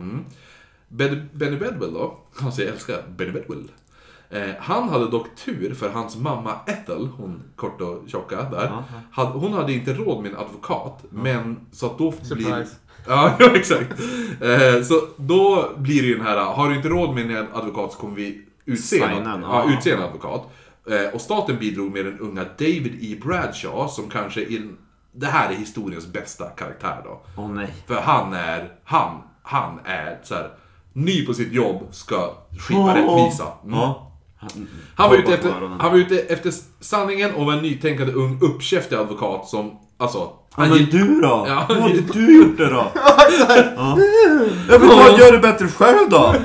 men det första han säger är att han är äcklad av polisen och åklagaren som hållit Benny utan erbjudande om en advokat under flera dagar och sa att pojken är ju för fan anal, alltså analfabetiker. Han kan ju inte ens skriva sitt eget namn ens liksom så här. Kolla på honom, han är helt Ja, jävla han är- koko bäggo. han är Har du så- sett hans mor? Jag tror ändå att han är typ så här 35 eller någonting så. Nej, det är 15 år. Ja, ja. Nej men han, han Så menar också... Instaknäck, de bara, bara, han ser bara en, en annons bara, domare sök, nej vad heter en, en Advokat, advokat sökas. Han Den bara, tar jag! ja. Det var lite sån här lapp där under. Han, han säger också att Ben- Benny Bedwell är så pass dum att han inte ens förstår själv vad som händer runt omkring honom. Och, Och sen bara, jag sitter här. Nu håller du käften! nej men... Och, Klas! att- Jag heter Benny. nej, men, Benny Bergwell. Ja. nej men han, han Ni har säger... inte ens hittat Ted och Freddy! Men Benny!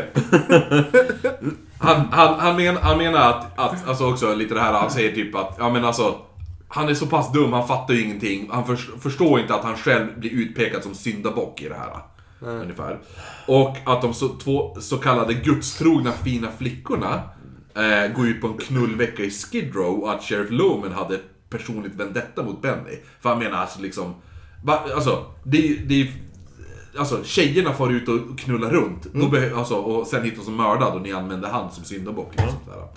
Dock lyckas man hitta den mystiska kumpanen där, som man har pratat om. Som visar sig vara, vara William Cole Willing Jr. Som mest menade, han bara, "Ja, men jag har hängt med Bedwell de, och, och två, de här två kusinerna, Irene och Carol. Men inte Grimes-systrarna liksom. Och han hade även ett bra alibi för han hade suttit arresterad mellan 5 och 6 januari och mellan 10 och 12 hade han jobbat på Steinweg Drugstore och han ha- hade alibi för den 13 då han hade lämnat ett Ja, just det. en, han har lämnat en IU IOU-lapp hos apotekaren där han jobbade hos. Däremot så menade Minnie Duros, hon som ägde den här... Där hon jobbade. Ja, där hon jobbade D- DNL Restaurant. Ja, nej, nej, men hon som var, hon som var den där arkivariekärringen. Hon som Ja. hade mens. The File. Ja, The nej, File nej, Club. inte... Ja, Jo, ja. det var på det apoteket. Jaha, du tänkte så? Ja, jo. Och, och dit kommer Minnie Driver nu. Ja. Adam Drivers syster. Ja. Nej men hon, när hon fick se bilden på Will, eh, Willingham då, eh, hon sa att det där är den andra pojken hon har sett, medan kocken White Secchi inte kunde peka ut Willingham. Men en mystisk sak var att Benny hela tiden sagt att han har hängt med en person som heter Frank, och tydligen så kallades Willingham för Frank av de andra fångarna i häktet. Okej. Så det är lite mystiskt där. 13 januari så startar då rättsförhandlingarna om man skulle häkta, alltså Benny eller inte det här. Alltså, det är typ för rättegången. De har, du vet den här, how do you plead? Not guilty or guilty. Guilty Ja. or not Och då om man säger not guilty, då bara, ja. Nej men om man säger not guilty, då bara, okej, då bestämmer vi datum för rättegången. Mm. Men vänta, alltså han bara, vänta, jag menar alltså det andra, så att jag får, får bli släppt. Ja, exakt. Guilty, ja ja, hejdå! Först upp var, på, då var alltså Loretta som vittne då. Då var Loretta som stenvägrade. Ja, let- ja, mamman då. Hon stenvägrade tro att flickorna vistas i Skid Row. Det roligaste också var att åklagaren presenterade en mördare framför Jag gillar henne. att Skid Row ligger säkert bredvid Clitheroe. Ja, jo, exakt. Ja, Cliff Row. Men hon... och, Alltså, han presenterade... Han skiddar in från Skid Row till Clitheroe. Nej men han, grejen är det att han presenterar mördaren fram... Här, här är det eran dotters, eran dotters mör, eller dina döttrars mördare. Men hon är ju... Hon vill ju fria honom. För är det han som... Skulle är det, visar det sig att han är mördaren så betyder det att mina flickor var inte så fina. För att då har de ju hängt på Skid Row, på knullfester liksom. såhär. Eh, hon pratade om... Knullfest? Vad, vad är det för knullefester? Ja men han, om? de säger det att han har dragit runt dem på så här sex parties. Men det är så- ja. Ja. Eh, han, hon pratade dock väldigt tyst under förhöret och advokaten Bradshaw gick fram flera gånger för att höra vad hon sa. Och Bradshaw frå, frågade även Loretta eh, frågor som åklagaren McCarran protesterade mot och hade sagt You want to hurt her some more? Well go ahead then, hade han bara sagt. Eh, och Bradshaw hade svarat lugnt I'm not here to hurt anyone, I'm here to defend the, the right of this boy. Bo! Ja, han är riktigt... Han är bra på comebacks den där. Ja. Nu uppstod även en sån här typ catfight mellan Bradshaw och McCarran och Lowen då. Där Karen. All, ja, där alla försökte ha det sista ordet samtidigt som man försökte såhär... Du är. Nej, ja, du men är. förlö- ja, men Nej, de du försökte är. förlö- ja men det är det. De försökte förlöjliga varandra. Är du? Men, men Bradshaw var tydligen bäst på det, för han var typ såhär sassy as fuck liksom. Han var riktig... Ja. Ena vittnet nu, då var klasskamraten Dorothy, som hade sett flickorna då köpa popcorn inne på salongen, om ni kommer ihåg det i början där. Ja. Ja. När hon sa detta så ställde sig mamman Lore- Loretta Grimes upp och skrek Liar! You're a liar! Och då bara, alla bara, va? Hon bara, mina döttrar skulle aldrig köpa popcorn. Men vadå nu? Ja. De äter, de äter tryffelfriterade um, chips. Nej. They eat potatoes with tuna. Ja, exakt! Det var exakt. Ja, precis. Hon hade skickat med Jag dem. skickar med en ma- lunchlåda. Ja. Ja. nej men för hon menar, hon menar ja, hon bara, de, de skulle inte ens ha råd för jag skickar med dem att köpa godis. Så det räckte till godis, inte godis och popcorn. Har sagt. De, de, de köpte, de sket i det jävla godis och köpte Ja, de skulle ju till Skid Row, Ja. de sparar ju lite. Ja, Ja, exakt. Men hon menar att det här var, alltså popcorn också, det var så här, det var så här horslask ungefär. Alltså det är så här riktigt. Det var Ja. slödder. Men grejen var ju det. Dorothy var, inte den, Dorothy var inte den enda Loretta. Alltså, Som hade sett dem där? nej men alltså, Dor- alltså hon satt ju och hånade Lo- alltså, Ett vittne. Dorothy lite Ja, grann. Och så ja. bara, "Ah, du vet ju ingenting, du fattar ju ingenting. Nej, Dina du- döttrar ska lära dig, du, Ja, du, du har är inte ens dum sett i ett huvudet. popcorn. Ja. Eh, så, men hon, hon, så hon hånar henne lite. Men om man kommer ihåg den här Leonard Prescott, han som hittade kropparna där. Ja. Som alltså var en, alltså där, ja. Ja. Han blev frågad om hur kropparna var positionerade när han fann dem. Och han började genast försvara sig och sa men jag, jag har ju inte rört dem, jag rörde dem aldrig. Och Bradshaw han hade sagt nej, det är inte det jag menar. Eh, men, men, alltså berätta bara. Så när Prescott då, då hade, lämnade vittnesbåset så hade Loretta Grimes, alltså mamma då, hon hade bara rullat med ögonen när han gick förbi och sagt Boy, that's a character. Till han. Va? Ja, men han har ju som inte gjort, alltså. Nej. så hon är, hon är bitchig mot alla också, så här, för någon anled- anledning. Det var bara rätt åt Och- det. Men sen, sen var bara, alltså, lyssna, dina döttrar dog, men du är en jävla svin. och det värsta, alltså Marie Prescott, hon som ni påstår hade mens, Ja. hon ska tydligen blivit extremt arg när hon hört det här och Ja. menar att Loretta ska vara tacksam då hon och Lennart fått utstå typ förhör mitt i natten, husrannsakan och hela tiden varit... Medan hon suttit och haft mens. Ja, och de vart även misstänkta. Så, det, alltså, så här, alltså vi försöker bara hjälpa till, var lite tacksam. Ja. Vi får stå ut med massa jävla skit. Ja. Hon, just det, hon, hon fick sen också missfall i det här. Eh, Loretta eh, gick då... Hon hade redan fem barn så att... Så. Ja, jo, jo, eller hur? For the Ja, best. precis. Ja.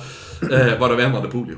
Ja. Ja. ja. Loretta gick dock ut i- ut i media och sa att hennes flickor de var oskulder och skulle inte hänga med ett drägg som Benny Bedwell. Så, Och då gick på internatskola. Nej, ja, hon bara, han kan ju inte ens stava sitt namn. Mina flickor skulle aldrig hänga med honom. Eh, Vad heter de i efternamn? va? Vad var efternamnet? Grimes? Flickan är Grimes ja. Ja. Grimé uttalas det. Ja, jag tyckte... Nej men och hon bara, om han ska checka in dem på ett hotell och så kan han inte ens stava sitt eget namn. Alltså hur trovärdigt är det, hade hon sagt. Mina flickor, de ligger inte med slödder, de ligger med gentlemen. Och skulle han dra runt... Egentligen. Skulle han dra runt på unga flickor på barer och där de då riskerar att förlora typ alkohollicens. Alltså barer skulle jag aldrig acceptera och sälja till. Men så hon bara, nej allt, det är lögn. Allt, allt är lögn henne då. Men Benny då, han kunde, han kunde faktiskt stava sitt eget namn, något som Loretta inte visste. Men det, eh, det är väl en annan grej hon inte heller visste, vilket som då skulle skaka hela utredningen. För saken var den att folk visste inte om att obduktionsrapporten inte stämde. För först kom resultaten om eh, blodproven som sa att de inte använt droger eller varit påverkade av alkohol när de dog. Och så då fann man magsäckarna tomma förutom Patricia som hade fisk och potatis i sig. Så att, ja. Eh, vilket var det sista de åt innan de gick till bion. Så då måste de ha dött. Innan de köpte popcornen. du, Om de nu köpte popcorn. Eller hur? Ja. Är det där alkoholsamma middag sen igen? Ja. Fisk och potatis Så igen. bara någon sista måltid och så bara, jag vill gärna ha lite fisk. och Men det, var mer, det är mer som inte stämmer här. För Benny, han höll samtidigt på att påpeka att... Va? Har du någon sista middag du vill ha? ja, gärna lite fisk och potatis. Coming up! Här har du. Ja, det är bra. Benny, han höll samtidigt på att påpeka att polisen misshandlat honom. Eh, så han skulle erkänna och han sa att han aldrig sett flickorna. Han sa att, alltså han ändrar ju alltihopa nu. Och han sa att Lowmans poliser tvingat honom Alltså att klä av sig naken medan de misshandlat honom. Och sen sagt att... Och så fick jag suga av dem. Nej, att han, han skulle få pengar till sig om han erkände. Och det visade sig även att Benny stämplat in på Ajax Consitotally Company natten flickorna försvann. Så han har jobbat den 28. Ja. Så, man rök då, så då släpper man det här Benny-spåret och tog in andra vittnesmål från systrarnas eh, egen gata då många verkade ha sett dem tillsammans med en mörk bil. Det ena vittnet var Roger Mennard som suttit bakom systrarna på bion och sen gått bakom dem på vägen hem. Lite såhär sku, skugga. Guldlocken. Exakt. Guldlocken. Eh, eh, och han hade först gått framför dem och stannat vid ett skyltfönster. Och då hade de gått om honom och han såg hur en mörk bil stannat framför dem och flickorna ska ha fnittrat. Och sen eh, hade de kört iväg. Sen hade en tidigare blivit stannat av en bil också. Men då hade de typ varit skeptiska mot den här, de som satt i bilen. Han var ju inte alls lika snygg. Nej, Det var en som, satt där med såhär ducktail. och, och det ska vara tydligen Och vara... kalsonger. Ja, Ja, bara, Åh vad snygg han var. Och sen så kom det någon annan som inte alls var lika fräsch. Men i bilen satt, i bilen nej, satt, i bilen satt det två killar då. Några andra som då också sett Öl och... Ja, exakt. Eh, Öl Vi kommer till öl nu. Ja! För några Va? andra Han som kommer har sett... tillbaka? Ja, nej en annan. De, som, några andra som har sett här Bubben, vi har fått brev. Vi ska få rättegång Bubben. Första båset. Äntligen! Men kom Ja. ihåg att berätta om eh, fina teckningen du såg i parken. Ja, precis.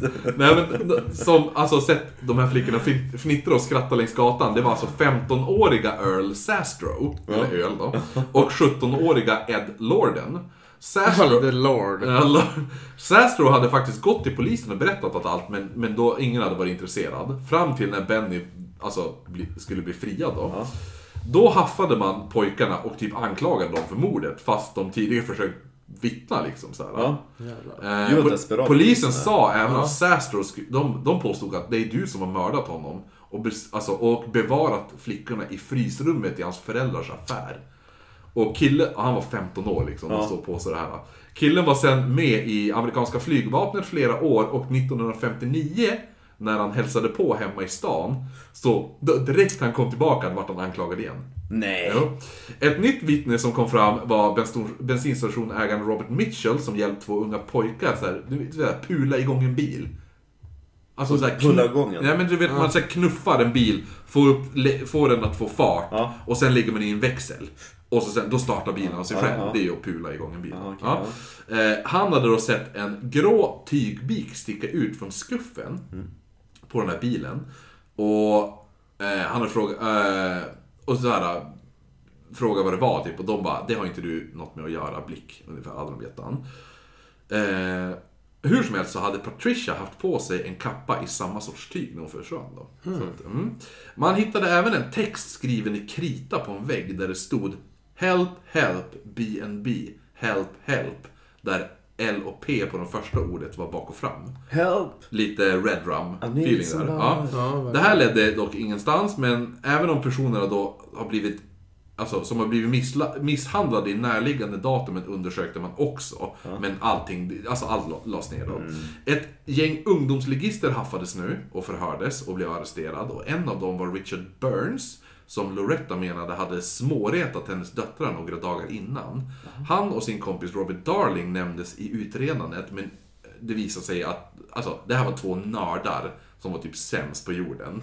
Alltså, så här, ki- ja men det var så här, Var de det? Ja men Verkligen. så här, killar som var coola i grupp typ. Så här, alltså. Så här, Ja, då- ett gäng pojkar, de bara åh det går två tjejer och så bara, men hade de varit ensam, då bara nej. Du vet de här jävlarna i duschen på gympan som snärtar en med handduken? Ja, de jävlarna. Det var dem. Man försökte ändå dyka ner i den här bilteorin då och började söka igenom alla bilar som var populära bland alla kids nu då, alla Ducktail-pojkar. Och vittnesmål om bilen florerade överallt. En person som hade sett flickorna i bilen tillsammans med en ung blond kille och frågat varför han inte kommit in tidigare. Som han nu sett, för han sa jag såg dem samma dag de försvann. Och nu kommer han in och han sa att han hade hoppats på att se bilen igen och då kunna bli känd som killen som löste fallet. Alltså det känns som att det hade varit den senaste hashtaggen om det hade varit ett, ett fall idag. Ja. Att, det var, att det var populärt att lägga upp det på Insta-story bara Jag såg Ja. Grime-flickorna. Exakt, för att få likes. Mm, I bilen här utanför. Dåtidens likes-fiske. Ja, precis. Och så bara Det trendar på Instagram. Sen kommer ett annat vittnesmål som är ganska spännande från en Joseph Riotta. Som hade, sett, ja, som hade sett flickorna i en bil bli indragen i, en- i en röd och en svart bil. När han Var rapporterade... den röd? Nej, men svart. Ja, röd och svart. Va? Eller grön. Något däremellan. Men han rapporterade det till polisen. Han var fick- färgblind. Ja, men han, när han rapporterade det till polisen så fick han ett telefonsamtal där en man hotade att döda honom om han pratade med poliserna igen. Mm. Men folk hade då gett upp på Benny Bedwell som vi pratade om. Och han gjord- gjordes nu redo för att släppas då han inte längre var misstänkt och sådär. Mm, konstigt. Det var i princip bara Lowman och Gloos som fortfarande bara, det är han. Det är solklart. Och Gloos som då var rättsläkaren, eh, rättsläkaren McCarons utredare, han började säga att den officiella rapporten om flickornas död var en lögn. För ni kommer ihåg att jag sa att, att det här Obduktionsrapporten, obduktionsrapporten ja. inte stämde. För officiellt dog så flickorna 28 december genom att de frös ihjäl. Men Gloos där, han menar att det här stämmer ju inte. Dels för alla vittnesmål som har sett flickorna. Eh, Men också att kropparna hade ett lager is över sig när de hittades och att kropparna då måste ha varit varma när de lades där.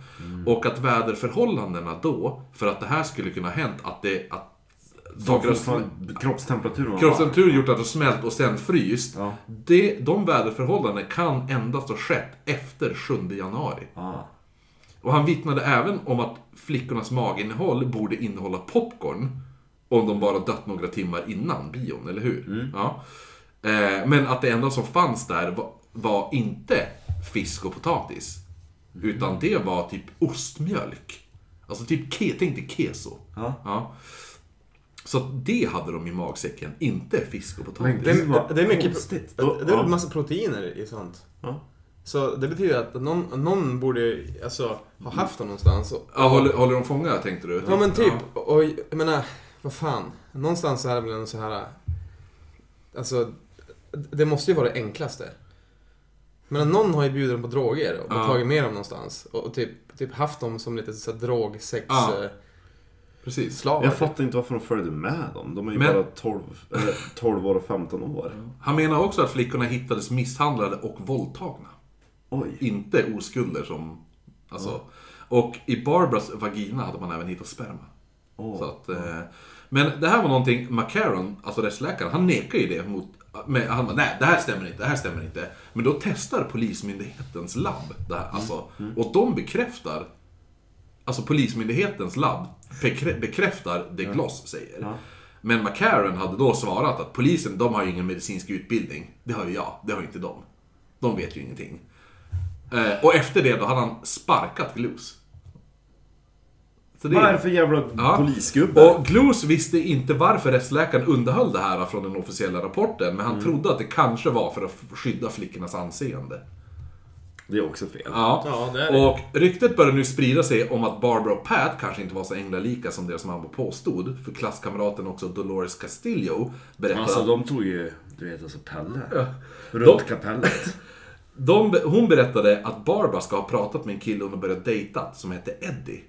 Och, att, sa, och, och sa att han var en sydstats hillbilly. Och visade även foton på honom. Och när Dolores visade bilden på Benny Bedwell, eller när Dolores hade sett bilden på Benny Bedwell, då hade, eh, och han, han, alltså han hette ju Edward. Och kunde ju då säkert ha kallats för Eddie. Och hon bara, ja det är han. Ja. För, hon, för eh, Barbara hade visat en bild och så bara, här är min kille, typ. Så hon fick, ja. Och Loretta sa, ah, nej det här är skitsnack för mina döttrar håller inte på med sånt som dating. Nej. Ja. Ja, vad fan. Så De är Bedwell, tonåringar, dum. Bedwell släpptes 4 mars och firade med tårta, men han blev snabbt arresterad igen. Tårta? Ja, hans, tårta. hans mamma hade ju bakat. Ja, eh, Ja, hon, är- hon åt ju tårtor varje dag. Ja, exakt. Halva var borta. Det är bara en halv tårta det här. Ja, jo, nej, jag var hungrig. Det tog ju så lång tid innan du kom ut. Ja. Nej, men han, sugen. han blir igen snabbt arresterad för det fanns en häktningsorder från Florida då en 13-årig tjej pekat ut Bedwell som personen som våldtagit henne. För ni kommer ihåg, han hade ju hängt i Florida förut. Ja. Och Bedwell och en man som hette Indian John, eh, de hade våldtagit henne och hennes kompis och sen lämnat dem i en övergiven husvagn. Oj, ja. Och sagt att ni får inte gå någonstans för då kommer, alltså, vi kommer döda er om ni sticker ifrån. Och de hade suttit i den där husvagnen i tre dagar tills de, alltså, Jäklar. alltså, polisen hade hittat dem där. Så Bedwell skickades ner till Florida där straffet för våldtäkt var antingen livstid eller dödsstraff. Oh. Dock fann man honom inte skyldig och han släpptes. Det är lite konstigt. Spännande. Ja. Ja. Gloos hade försökt få domaren att ta ett nytt vittnesmål som insisterade på att ah, ja, men jag har hittat en snubbe som har sett Bedwell med systrarna. Och vittnet sa att ja, jag glömmer aldrig ett ansikte, jag är helt hundra på att jag har stött på honom och systrarna där. På en bar den 27, men domaren han bara, jag orkar inte höra något mer vittnesmål, det börjar bli lite mycket vittnesmål nu. Ja. Så åren går och det här fallet börjar falla lite i glömska. Ja. Och detta då till 1961, alltså fyra år senare, då man arresterat 32-åriga John Edwin Myers och hans 13-åriga flickvän. Alltså jo, det är trevligt också. 32 år och en 13-årig flickvän. Nej, gud. Eh, hon heter Donna Stone. Eh, paret hade åkt runt i en liten killing spree där Myers hade skjutit ihjäl liftaren Arthur Lee DeCari för att råna honom efter han plockade upp honom, sköt ihjäl honom. Eh, Myers fick upp 16 dollar. Bilen de plockade upp honom i var en stulen bil och paret hade mött George Bellard och hans 10-åriga dotter som stått och fiskat. De hade skjutit dem båda i huvudet och sen försökt stjäla deras bil. Men de fick inte igång bilen. Så de gick därifrån och stal en annan bil. Så morden var helt meningslösa liksom. Så här. Då kidnappar de Margaret Wernicke, som de hade i bilen i ett dygn innan de stannade och tvingade ut Wernicke på en åker där 13-åriga Donna sköt den i huvudet. Så det är riktigt fucked up Ja, verkligen. people det här. Ja. Myers dömdes till döden och Donna satt inne i 14 år. Men anledningen varför man kopplade ihop Myers till morden var för att han hade bott i närheten av systrarna när de... Alltså, där, när, ja, där systrarna försvann hade han bott under tiden. Mm. Och man undersöker vidare och det verkade högst otroligt att han skulle vara mördaren. Men det var ändå, ett- alltså, Det- ett, ett, ett vettigt Plausible. spår. Och, ja. Ja, mm. Eh, likadant med fången Alfred Smith Lawless. Det är bra att vara Lawless. lawless. och, ja. Lucy Han- Lawless heter ju hon som spelar Sina. ja, eller hur? Just det. Som spelar sig själv i Curb Your Enthusiasm. Han hade suttit fängslad och erkände mordet på sexårsdagen av försvinnandet. Och han hade sagt Six years ago I killed Barbara and Patricia Grimes. I've been running ever since. I see visions of those girls all the time. I think about lately... Uh, all I think about lately is how I left them to die, stripped and naked on the snowbank in the woods. For years I've been running, I just had to tell somebody. Sa han på sexårsdagen då. Ja. Det visar ju då att hela hans erkännande, han gjorde ett jätteerkännande sen och alla bara shit, nu har vi honom. Fast ändå bara, allt det här har han kunnat läsa i tidningen. Ja. Så att det är så här, ja. Eh, Men hans liv slutade på mentalsjukhus hur som helst. Men nu då, våra avslutande, våra huvudmisstänkta här. Och min personliga teori. Så först har vi 22-åriga Charles Leroy Mellqvist. Det var ett svenskt namn. Ja. För 22 september 1958 försvinner Bonnie Lee Scott som bodde med sin mosters familj och mormor i Addison, Illinois. Och hon skulle bara ut för att köpa en blus, men hon kom aldrig hem igen. Dock trodde polisen... Klockan nio på natten bara. Var ska du åt? Vad heter hon? Eh, Bonnie? Bonnie! Var ska du åt? Jag ska bara ut och handla. Nej, det här var inte 99. Här har du 2,50. Du ska inte kom hem då, senast 12. Ja. Nej, det var, det var mitt på dagen hon gick, det var inte... Äh, okej, ja. Eh, polisen trodde ju då att hon hade rymt, i, rymt iväg då, för hon, hon hade tydligen gjort det tidigare. Sån här tonårsbrud, typ såhär. Ah, ja, men stick iväg fyra dagar typ. Eh, så efter, då hade moster Jean Swallow, heter hon. Alltså, alltså Swallow fast S-C-H. Swallow. Hade fått ett telefonsamtal eh, där i, i Bonnies hem då, där, så här, där den här Mellqvist hade sagt att han, han bara, jag själv fått to- två samtal, samtal kvällen innan. Varav ett var från Bonnie, där hon då ska ha bett om hjälp av honom. Som sa, hon bara, eh, för han ska tydligen vara bekant med Bonnie. Och Bonnie ska ha hamnat i bråk med en kille, men Mellqvist bara, ja ah, men det där är dina problem liksom. Så här. Sen på kvällen hade en okänd man ringt Mellqvist och sagt att Bonnie klivit ut ur hans bil vid Route 66 efter de hade bråkat. Och undrade bara, men Mellqvist kan inte du köra hem henne? För hon vill inte kliva in i min bil. Ja. Han hade då åkt till platsen, men då hade inte Bonnie varit där. Ja. Och det tog till 15 november innan man hittade Bonnie. Det var några pojkscouter som var ute och hajkade några kilometer ifrån Grimes-systrarna, där de hittades. Typ tre kilometer bort. Då finner de då alltså Bonnies nakna och huvudlösa kropp i en avloppsbrunn några meter bredvid. Alltså, då ligger kroppen där och några meter bredvid ligger avhuggna huvudet. Dagen efter får då Loretta Grimes ett samtal där en man säger I've committed another perfect crime. This is another one those cops won't solve and they're not going to hook it on Bedwell or Barry Cook. Och sen hade han bara börjat skratta. Och Barry Cook var en annan som han hade tagit, alltså misstänkt för morden ja. där. Ja. Sak var den att Loretta var säker på att det här var samma man som ringt henne året innan och sagt att han visste vem som hade mördat hennes döttrar då han hade hjälpt mördaren klä av liken. Och sen sagt I know something about your little girl that no one else know, not even the cops. The smallest girl's toes were crossed on both feet. Och efter det så hade han, precis som det andra samtalet, bara börjat skratta och lagt på. Ja, vad kul. Eh, så att, och hon bara, det, det var samma. Och om ni kommer ihåg så sa ju Bedwell att han hade hjälpt till den andra killen.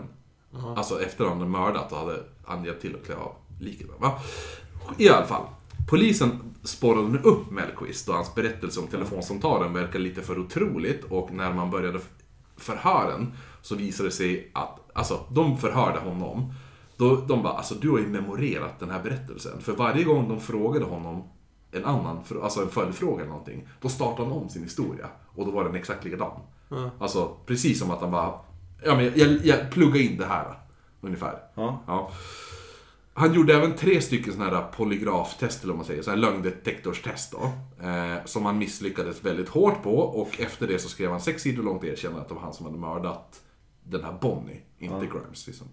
Det visade sig då att Mellqvist hade en fetisch där han plockade upp un- unga kvinnor och ströp dem tills de svimmade och sen kunde han våldta dem. Ja. Eh, en riktig hyvens kille, kan man säga.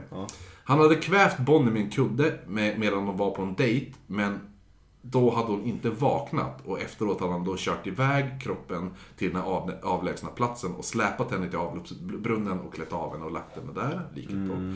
Efter det hade han återvänt flera gånger till kroppen då. Men i början av november hade han haft med sig en kniv och då skurit av huvudet och sen sparkat iväg det.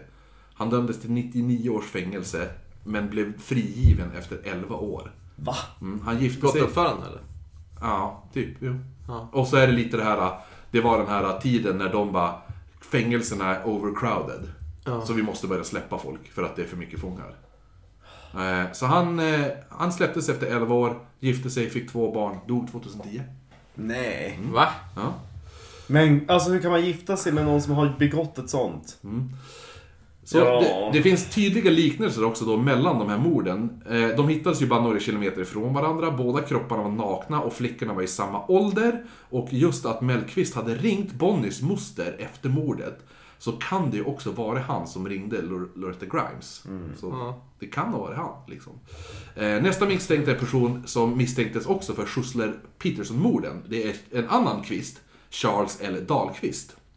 Eh, så- som jag sa då, väldigt svenskt ättligt det här i Chicago då. Han var en 33-årig arbetslös golfcaddy som bodde i Los Angeles under tiden och hade blivit arresterad av polis efter att han hade gjort en olaglig U-sväng och det visade sig att han hade kört en stulen bil.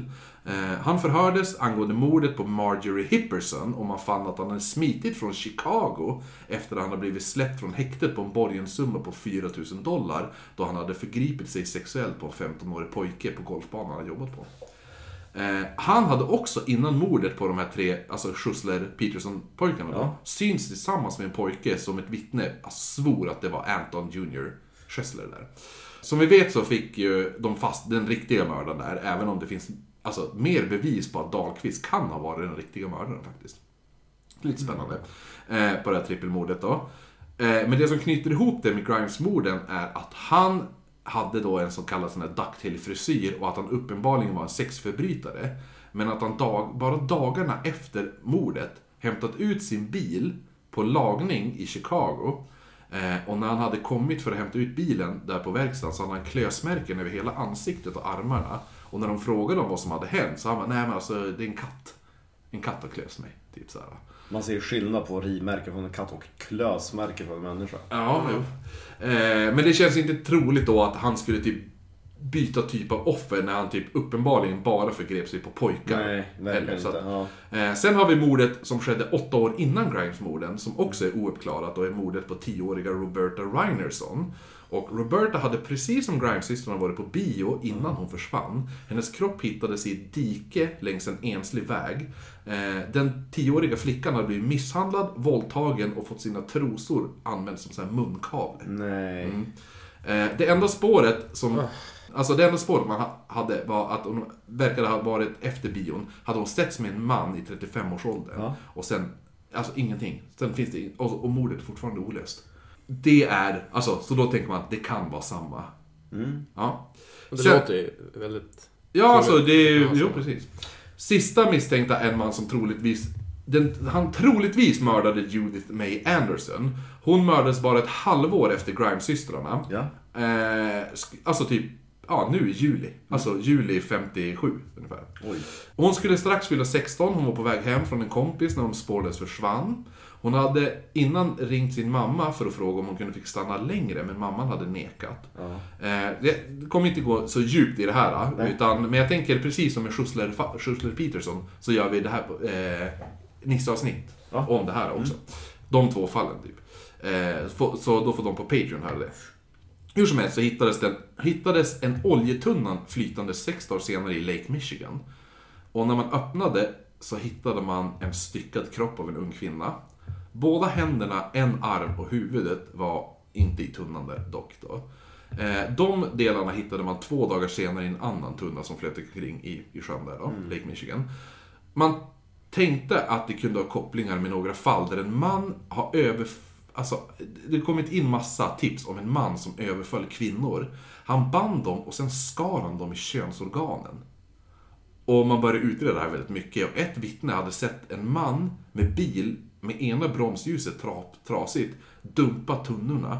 Eller han varit och dumpat tunnor, man vet ju inte om det var de tunnorna. Men han bara, ja men det var en, han dumpade tunnor och han hade, han hade eh, en sån här sorts bil och bromsljuset trasigt. Så man började leta efter det. Och man fann och bötfällde en Barry Sander Cook. Och man satte sen span på honom. Och man tog några av, alltså för så här, de bara, ah, där är, han har, han böter för att han har ju bromsljuset trasigt då. Sen sa- satte man span på honom. Och tog, åkte till hans arbetsplats. Och så tog man dit de här flickorna som blivit överfallen och skurna i könsorganet liksom. Så här, ja. Till jobbet och då, bör, får då pekar ju de ut han. Där. De bara, ah, det var han liksom så här. Och när Cook vid ett tillfälle såg en av flickorna att han började springa och en av poliserna sköt honom då i benet och sen tacklade man ner han. Och när de tog honom till sjukhuset så blev han återigen identifierad, alltså då fick ju alla vittnen gå omkring, de tog en sal och så la de in 35 personer. Och så då fick de peka, ja är det någon av de här? Och alla pekade ut han. Eh, han blev även utpekad för ett annat mord på en 55-årig kvinna. Han vägrade prata med polisen. Eh, Han pratade endast med sin far.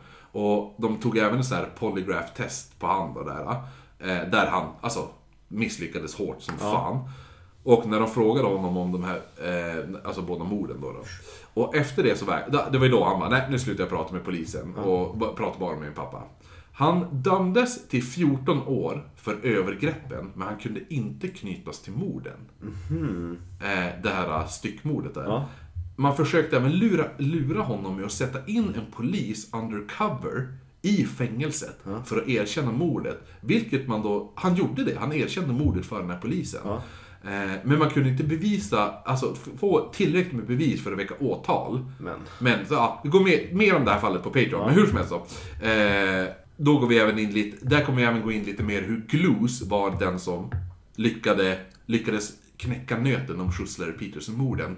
Han, han löste det mordet efter sin död. Det är ganska spännande. Men i alla fall, troligtvis så var det inte Cook som mördade systrarna, då han i så fall även borde ha erkänt de morden. För han erkände ju för den här undercover-polisen mordet på styckmordet där. Eh, men de frågade honom också om de här Grimes-systrarna. Han bara, nej, nej, nej, nej. Men det kan ju vara han också. Men då, nu avslutar vi med min personliga teori. Och jag tror att systrarna, precis som Bonnie Lay, där, hon som var där. Nej, nej. Ja, Lay Lay. Eh, att de kanske inte var så fina flickor som man hade trott. Alltså Nej, den här, nej.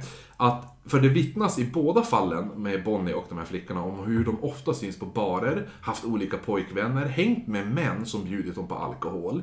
Inte för att det här, alltså, det är ingenting som gör att det är Okej, mindre, men alltså mindre synd att de varit mördade. Men... De eh, var i väldigt farliga situationer Ja, säga. jag tror att, att de kan ha följt med fel personer den kvällen. Och förmodligen så kände de Benny Bedwell då. Då väldigt många, alltså det är jättemånga vittnen som pekar ut Benny och de här två systrarna. Och så just det här, lite det här att, för han har ju ändå alibi för att han har varit på jobbet där.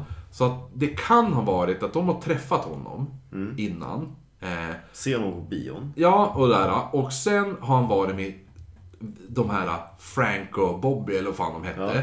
Ja. Och vad heter det nu? Sen då, då hade de börjat träffat de här... Han bara, men nu får jag på jobbet. Och så började de hänga med de här två killarna. Jaha. Ja. För grejen är det också där, alltså... Han var ju ingen ängel, den här Benny Bedwell. han var ju en riktig jävla slusk också. Så att jag tänk, det, min teori är att han groomat flickorna Ja. åt några som drev en bordell eller liknande. Kropparna hittades bara någon kilometer från ett ställe som fungerade som en mötesplats för sexköp. Eh, Där det var typ så här husvagnar där folk Ja. och, ja. Och även två kilometer från en känd bordell. Och de kan då ha tagits till något av de här ställena som precis som du sa Ulrik, hålls fångna. Eller? Ja. Alltså, ja. Som sexslavar ja. Ja. Tills de då mördas någon gång efter 7 januari. Bedwell själv, han blev ihop med en kvinna som jobbade på en kringresande cirkus. Och hon jobbade som alligatorkvinnan. Eh, han, Bedwell, eh, dog själv av diabetes 1972. Ja. Eh, Loretta Grimes dog 1900, alltså mamman. Hon dog 1989 faktiskt. Oj, hon var ju gammal. Ja, jo. Hon, hon, jo, hon måste ju blivit där mot 90 typ. Mm. Och Så det är min teori. Att han, han hänger, alltså han har fungerat som en så här dra in flickor i typ en sex, alltså in till prostitution, lockar in flickor till prostitution. Men, man de här systrarna, då gick det fel och då vart de mördade. Det kan ha varit en klient som har typ har bokat och tar dem typ en timme och sen så bara lämnar inte tillbaka dem. Jo. Men det är fortfarande väldigt skumt att de inte sa någonting till sina mammor, eller till sin mamma menar jag, när de i så fall drog hem honom den kvällen. Drog, nej, de har inte dragit hem Bedwell. Nej men Bedwell drog hem dem. Ja, men inte... Ja, nej, ja, men han drog inte hem dem till sin mamma. Nej men att de inte sa någonting till sin mamma, för han, han hade väl en telefon? Ja, man kanske inte lät dem. Alltså, Ja. Men någonstans är det kanske att de känner att det är någonting nytt, spännande. ja. Alltså, det jag Jo, tänkte men- på jo. också från första början var ju att fanns det, alltså, det var ju meningen att de skulle på bio Ja. på den här Elvis-grejen. Men finns, fanns det verkligen så här stenhårda bevis på att de verkligen var inne på bion? Nej, det enda är ju att... Det, För- ja, det, är, det är vittnesmål har ju sett dem där. Ja, Men- okej, men ja. då kanske de har varit på bion. Eller kanske inte, för att det har sagts Ja. i tidningen att de har varit där. Jo, Och så eller är det hur? samma sak att folk bara, jo men de var nog där. Jag såg några flickor. Ja. Men de kanske inte ens var där. Det är De kanske bara var... biograferna. De kanske bara ljög för sina föräldrar som alla andra alltså, gör. Ja, speciellt i den åldern liksom. Ja. Ja. Och möt, möter upp, kanske då den här Benny. Ja. Eh, och bara, men nu ska vi ut och festa, nu har ni också lite pengar kanske. Ja. Och så är de ute på stan och bara liksom ränner runt. Och, och sen det ena leder till det andra. Det är kanske många som har sett dem med olika folk för att de kanske har varit neddrogade. Alltså bara såhär... Ja. De har börjat ta lite droger. Ja. Alltså såhär, eller blivit itvingade kanske. Med äldre, alltså med en massa äckliga gubbar. Alltså Ja. hit och dit. De, de tycker att det är fan the time of their lives. Mm. Typ. Men att eh, det går ju... Sen eskalerar det till en, Ja, ja. en ny nivå liksom och då... Exakt. Att, att helt plötsligt så är de i en situation som de inte ens kunde Nej. eh, begripa från första början. För det är ju ofta, alltså det, det måste ju vara, för det är så jävla mycket karaktär. Det kändes lite sådär Game of Thrones-sikt. Jo, det är väldigt många... Alltså sådär, det är vilket gör att folk.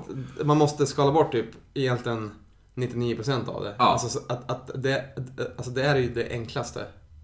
Ja, precis. Alltså, Oftast. Alltså typ. Men för, för om Men man... vet man nu att äh, obduktionsrapporten att de hade blivit våldtagna eller att...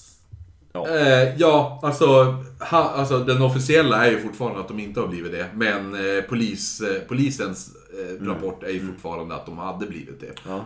Så att, eh, och att eh, ingen av dem tydligen ska ha, alltså, varit några oskulder, om man säger så, menar de. då. Men Ja. det vet man inte heller. Sen, bara en liten oknyttig avslutande grej. Ja. Är att det sägs om man stannar på platsen där flickornas kropp hittades, Ja. så kan man höra en bil bromsa in, en skuff som öppnas och ljudet av någonting som kastas i diket. Och sen att den här osynliga bilen kör, kör iväg. Bilen är Devil's Creek då. Och vissa har även sett en gammal 50-talsbil köra längs vägen utan lysen. Och när man har följt alltså börjat följa efter den här bilen så har den bara helt plötsligt försvunnit liksom. Alltså gått upp i rök. Eh, så det är lite, det sägs att det spökar där på platsen där de här flickorna hittades. Ja men Chicago nästa då? Ja, ja man tycker ju som det. Chicago. Så att, ja, Chicago. återigen så allting är taget från The Two Lost Girls av eh, Troy Taylor. Ja. Spännande. Ja, Som fan. Eh, så här ser bilen ut som de tänkte att de, de har blivit Ja just det. Snygg. Ja. Ja. Så att det finns jättemycket spännande bilder i den här faktiskt. Eh, där har vi, fan. alltså Benny Bedwell här. Ser ju ut som en riktig jävla... Men han vet. Gangster. Den där jäveln Benny, alltså han visste ju vad som, Kolla, vad som hände. Vänta, jag ska ta tända. Han... alltså, Han klart. ser ju inte ut att vara 22. Nej. Nej, Men nej. han, han vet vad som händer. Det ser ut som att han sitter där och bara öh, Jo, jag Och tänker sen också. så... Jo. Jag är helt övertygad om att ben, Benny, kan, Vet han mer, kanske inte ja. är de, han som mördade, men han, han är, vet han, vad le- som- han vet han vad vet som vad som hände och är säkert en av anledningarna till varför de ja. mördades. Så eh, det var fallet med Grimes-systrarna. Eh, då ska vi avsluta, innan vi tackar Ulrik, Ålidhems or- Det här, du är ju först och främst två grejer som jag ändå tänkt på. Nummer ett är ju, du är ju the origin-pojken från Ålidhem. Ja, När vi spelar in. Du är ju uppvuxen här liksom. ja, Ja. exakt. Och nu får du vara hemma i dina hemkvarter. Plus att du har en, ett, ett påhittat väsen intatuerat. Jaha. Ja, Ditt egna. det var, det var från en bildlektion i, när jag gick på eh, högstadiet. Och, och min bildlärare, ja, vi skulle ju rita någonting då. Eller vi skulle måla typ ett, ja, ja vad var det, vi fick ju välja själva antar jag. Eh, och jag kom på, eller jag ritade en, eh, någonting fågellikt. Eh, som jag döpte till Jogel. Ah. Eh, och det blev som en, eh, en grej. Den här yogen. Yogen har hängt med. Yogen har hängt med. Det är en... Någonting fågellikt som är för... Det är för tjockt för att flyga. Oh, Du kan ju vi- visa Som en Marcus. Ja, det, Ja. det finns här på benet. Han har ju tatuerat in yogeln. Här Är det från din ursprungliga teckning också? Ja. Jaha, vad kul. Ja. ja. Ja, det var... Det var en det. En yoghurt. Du borde skriva en creepypasta om yogeln. Det ska, det ska jag göra. Ja. Henrietta Spak och Yogel. Det är Ja, det- två, två creepypastor. Ja. Stavas yoghurt med två å. Det känns som det nästan. Ja, Det borde göra det. Yoghurt, det, ja. det, det var det ett hittills. Ja. Men kanske kan att man två. lägger till. Det finns ju en pappa yoghurt. Ja. Det kanske är det som är grejen. En yoghurt Det är som, det är som senior och junior. två- Ja, flera yogel. Det, det var precis, det är, två å i plural. Ja. En yoghurt, flera yoghurt. ja, exakt. Ja. Nej men, ska vi tacka, då avslutar vi med att tacka våra Patreons då. Ja. Så vi börjar med... Eh, hon vi absolut inte får glömma bort, Rebecca Olsson. Olsson! Bobby Gunnarsdotter.